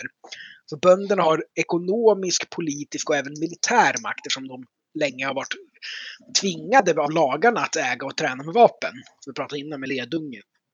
Mm. Eh, så att, eh, och de är ju desperata att inte gå samma väg som de danska bönderna gjorde och bli livegna. Så att de är beredda att försvara det om igen. Så att eh, man har den här perioden mellan 1396 och 1434 då Kalmarunionen finns. Och efter det är det ett långt inbördeskrig i 80 år. Eh, där bönderna ställer sig upp och bränner allting. Och det är så att danskarna hyr in en armé av legoknektar, kommer och tvingar till sig att tronen, blir valda, har en kröningsfest och sådär. Så sätter de ju sina legoknektskaptener och danska adelsmän på de svenska borgarna för att hålla dem, men också som en belöning för vä- väl genomförd tjänst. Och de ska vara skatteuppbördsmän. Mm. Inofficiellt är det ju sådär att din belöning är att allt du kan pressa ur bönderna som inte hör till kronan kan du behålla själv. Och de här är ju vana vid kontinentala, tyska, frisiska, nederländska och danska livegna. Och tror de kan Mm. göra vad de vill. Spöa på bönderna så betalar de lite mer. Och så sen är de väldigt, väldigt surprise Picasso face när bönderna kommer på vintern på skidor med vapen och bränner ner deras borg. Då, kan, då kan inte de röra sig liksom för att de har inte, de har ju hästar, inte skidor. Det ligger tjock snö så de kan inte förstärka varandra. Så bönderna samlas ju och bränner en borg och sen drar de vidare och bränner nästa och sådär. Och, och eh, i princip alla borgar, nästan alla mindre borgar i Sverige förstörs under Engelbrektsupproret. Så allting som finns efter det är träfort i princip. Alltså det är inte alls lika starka borgar. Men du har bara de stora, alltså Älvsborg, Kalmar, Stockholm, Åbo, Viborg. Åbo? Ja, Åbo var en stark Ja, svensk borg. Jaha. Och det är, liksom, det är bara de som är stora starka borgar som bönderna inte kan ta. Och resten kan de bara ta när de vill. Mhm. Så att det är... Eh, så att det är 80 år av ett clusterfuck till ett inbördeskrig. Med då svensk adel som känner att men vi vill ha styra oss själva eller vi kan ha fördelar av att danske kungen styr men inte för nära och det är uppror och det är avtal och det är lönnmord och det är ja, Ursäkta, du sa 80 år, men det börjar ju... Ja. Ja. Från eh, s- 1396 till 1434 så är det ju faktiskt inga stora uppror. Nej. Engelbrektsupproret är det första stora upproret där Jaha. man slänger ut danske kungen. Och Så det efter det Ja, okej. så är Kalmarunionen inte en union utan ett långt inbördeskrig. För de bry- bryts väl först 1523, va? Ja, Mm. det kan man säga. Men det är väl först med Nordiska sjuårskriget på 1560-talet som danskarna, danska kungen går med på att han inte har rätt till svenska kronan. Men de har fortfarande svenska eh, riksvapnet i sitt vapen. Ja, lite, lite som eh, England har franska riksvapen. Ja, fortfarande. precis. Det har de väl verkligen fortfarande fortfarande också. Ja. Det är inte något när det är så lätt. Tydligen inte. Vad händer egentligen under, den här, under slutet av... Alltså, om vi säger att så här, vi, vi är någonstans runt mitten av 1400-talet nu, eller början av 1400-talet i alla fall. Ja. Vad händer fram tills vårt cut-off date som är 1453 och, var, varför har vi valt 1453 när det väl, kom, när Alltså- vi väl kommer dit? Eh, rent eh, samhällsmässigt så börjar ju renässansen dyka upp och vi börjar få att de här handelsrepublikerna i Italien börjar gå, få fram handeln mer och mer. Det öppnas nya silvergruvor och järngruvor i Europa för att eh, det blir en mer monetisering av ekonomin. Okej. eh, som påbörjas. Och det, eh, vi har att eh, vi börjar få en starkare kungamakt gentemot adeln i många länder. Och de lite moderna staterna börjar i sin linda växa fram. Och osmanerna då i Turkiet med bilden med Janissar, den första moderna armén. Okej. Finansierad av staten sådär. Så att det, det, feodalismen börjar dö ut till förmån för statliga arméer. Och vi har ju date att 1453 då så slutar ju hundraårskriget, fransmännen vinner. Mm. Och så har du eh, Konstantinopel faller i maj 1453 till osmanerna. 29 maj. Mm, precis. Hur mycket av Frankrike har England kvar efter hundraåriga kriget? Calais, Hur länge har borg med lite utrymme runt. Okej, det, är inte, det är inte en hel provins utan det är verkligen bara en borg. Ja, en borg, alltså det är en, en svensk kommun ungefär. Okej. Ah, Okej, okej. Det är väldigt, väldigt lite alltså, med andra ord. Ja, Ja... den faller i början av 1500-talet. Men alltså, någonting som jag skulle vilja, vilja ha liksom... Alltså så här, någonting som jag vill förstå. Det är Konstantinopel faller till turkarna. Eller ottomanerna. Osmaner på svenska. Ja, ot- ja precis. Osmanerna. Eh, och de här... Vad fan är det som låter? Låter som en gnisslande dörr eller någonting. Ja, det kanske det var. Det kanske det var. Eh, nej, men, nej, men det, det jag undrar över är egentligen, alltså osmanerna, de tar över Konstantinopel och de byter namn på Konstantinopel till Istanbul. Mm. Jag vet inte, sker det, sker det direkt eller sker det efter en väldigt lång period? Det Eller? annonseras ju att det ska ske direkt, men i praktiken så är det ju ingen som kallar det Istanbul förrän på 20-talet. 1920-talet. Ja, precis. Mm. Så med andra ord, nästan 500 år senare. men okej. När ottomanerna har Eh, fallit för övrigt. Ja, precis. Jävligt Varför vill de byta namn? Vad, vad är innebörden av namnbytet? Eh, alltså de kallar det Al, Al Konstantinje själva en hel del också. Okej. Eh, så att, eh, men Istanbul betyder väl alltså staden som män vill ha eller något sånt. Ah, okej. City of Helt Men's enkelt. Desire, nå- någonting sånt. Vet Vilket man vad, kan förstå. vet du vad ryssarna kallar eh, Istanbul? Sargrad. Ja, precis. Det tycker jag är lite fascinerande. Lite fascinerande att det här. Vad betyder, vad betyder det? Kejsarstaden. Ah, okej, okej. Ja. okej. Att det är en sån Ja. viktig stad för världskulturen och världshistorien. Att det är liksom flera olika namn på den. Det tycker jag är Mm, fascinerande. Så, alla sådana städer har ju många namn. Mm. Men, men alltså för att vi kommer ju komma in på det här med, inte nu, men sen i framtiden kommer vi komma in på det här med eh, hur typ ryssarna ser sig själva som, Eh, tredje någon slags- ja. ja men precis, och det måste ju vara ättlingar då till Bysantinska riket eller Östrom precis, eller vad man väljer att kalla det. Mm. Ja men exakt. Eh, så att jag, jag, det jag kanske är lite intresserad av här innan vi, innan vi avslutar liksom själva den här eran, det är vad händer egentligen med de människorna som bor i Konstantinopel när ottomanerna tar över? Eller eh, ottomanerna, det heter inte ottomanerna. Vad sa du att det hette? Osmaner. Osmaner på svenska. När osmanerna tar över, vad, vad, vad händer med de här människorna? Flyr de till Alltså- Europa eller? Alltså en del flyr till Europa och det sägs att de här grekiska kunskaperna och tekniken de tog med sig hjälper till att kickstarta renässansen. Mm, och jag undrar, är det sant? Det finns lite bakom det men inte alls så avgörande som många ville tro förr i tiden. Mm. Ja, så att, eh, men eh, många blir ju kvar. Alltså stan var ju jätteliten när de tog tog övertagen. Det var ju, eh, de hade ju tappat fem sjättedelar av befolkningen från toppnoteringen. Så det kanske borde 30-40 000 bara på, mot en halv miljon när det var som mest. Oj, oj, oj. oj. Ja. Och det var ju fanns ju bondgårdar innanför murarna för det fanns liksom utrymme för att odla. Herregud. Mm. Ja, det är lite Och skillnad. de, alltså. de som varit i, i, staden idag vet ju att de, det, området innanför murarna, det är inte jättestort alltså. Nej. Nej, de har ju kvar. Nej. Helt Men-. Är det någonting du vill ta upp innan vi avslutar veckans avsnitt? Nej, jag tycker jag har fått säga det mesta. Det är ju väldigt trevligt att ni låter mig babbla fritt så här mycket. Då, Ja, då det är måste jag fråga intressant. nästa avsnitt. 1453 till vilket år? Jag tycker vi kör 1525. Slaget vid Pavia är ett bra cut-off där. 1525, sa du verkligen det? Ja, Du vill alltså bara ha 80 år där, alltså nej, inte ens 80 år. ja vi, vi kan köra hela vägen fram till 1648 om ni vill det. Det Det, är bara ingen 200 år. Jag- blir bara förvånad att vi går från ett spann på 400 år till 75 år.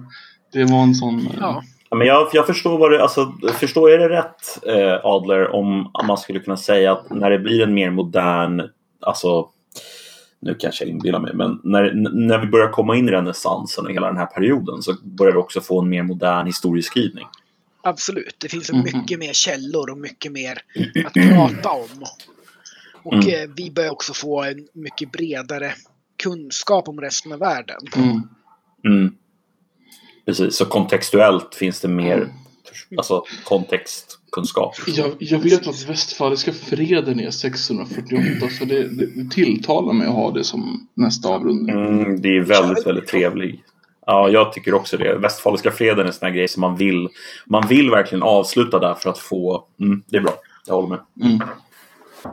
Innan, innan jag släpper dig så vill jag bara fråga en enda till historiefråga väldigt snabbt. Är det okej? Och jag har en till fråga också innan vi Jag avslutar. tror med att du vill ta din först. Okej, min tar vi först. Mm. Vi kommer prata konspirationsteorier med Kepan. Har du någon konspirationsteori som du vill att vi tar upp? Eh, jag tycker om eh, mycket konspirationer kring andra världskriget. Mm. Eh, och en klassiker som jag brukar få möta då och då är det här att egentligen började ju Polen andra världskriget. Ah, just det. Eh, dels tar man upp då, eller Polen och judarna, dels tar man upp att eh, om det var 36 eller 37 någon polsk världskongress eller någon möte sådär som sa att Tyskland eh, befinner sig i krig med judendomen. Och det tolkar man som att judarna förklarar krig på Tyskland för att krossa det. Sådär, eh, och judekabalen och bolsjeviken och sådär. Och så sen tyskarna eh, tog ju ett gäng koncentrationslägerfångar och sköt dem och klädde dem i polska uniformer och spred ut dem kring en radiostation. Och sen skickade de ett förvirrat meddelande på polska om att nu kommer den polska invasionen, nu ska alla polacker i Tyskland upp i uppror. Eh, och så sen hade de det som sitt casus belli och eh, jag får den ibland och jag säger Eh, vilken otur för Polen att de bara hade gjort en partiell mobilisering då innan de skulle börja invasionen. Och vilken himla himla tur att tyskarna hade en och en halv miljon man, 3000 stridsvagnar och eh, 60 flygplan redo bakom gränsen att slå tillbaks mot den här invasionen direkt. Sån himla himla tur att de var där och gjorde en stor övning precis när polackerna anföll. Så de kunde dagen efter gå över gränsen och invadera. Och slå tillbaka. Ja, det Ja, är det- fascinerande hur historien uh, utspelar sig. Alltså. Det är, Ja, ska jag, säga. jag, jävla, jävla konstigt där tycker jag. Alltså, jävla, jävla polacker alltså. Ja, Sorry, du ska få ta din fråga Koffe. Eh, är du redo? Ja. Uh, du är ju en man som förstår historiska källor och sådär. Och även uh, tenderar att djupdyka i dem om jag förstått det rätt, eller hur? Mm, gärna. Eh, Då är det en ganska komplicerad fråga. Eh, Finns det något som helst historiskt eller nutida bevis för att uh, Jeffrey Epstein tog livet av sig. Jävla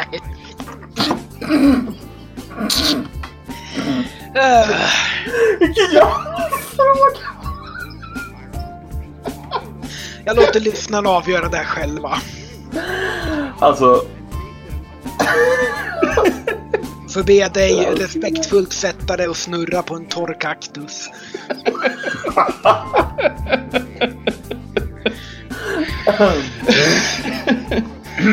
ja. Och på den torra kaktusen kanske det är dags att avsluta. Ja, Ja, tack för 72 varv per oss. minut. Tack för oss för den här veckan. Tack för mig, Nebben. Tack för, tack för dig, Koffe. Eller? Tack så mycket. Och Adler, självklart. Det var väldigt kul att vara med. Det är Tackar. alltid kul när du, det är alltid kul när du är med. Kul att vara med Tack dig. Tack så mycket. Verkligen. Stort tack. Så, ha en bra dag och en bra kväll, hörni. Hej! Hej. Ha det gött. Hej.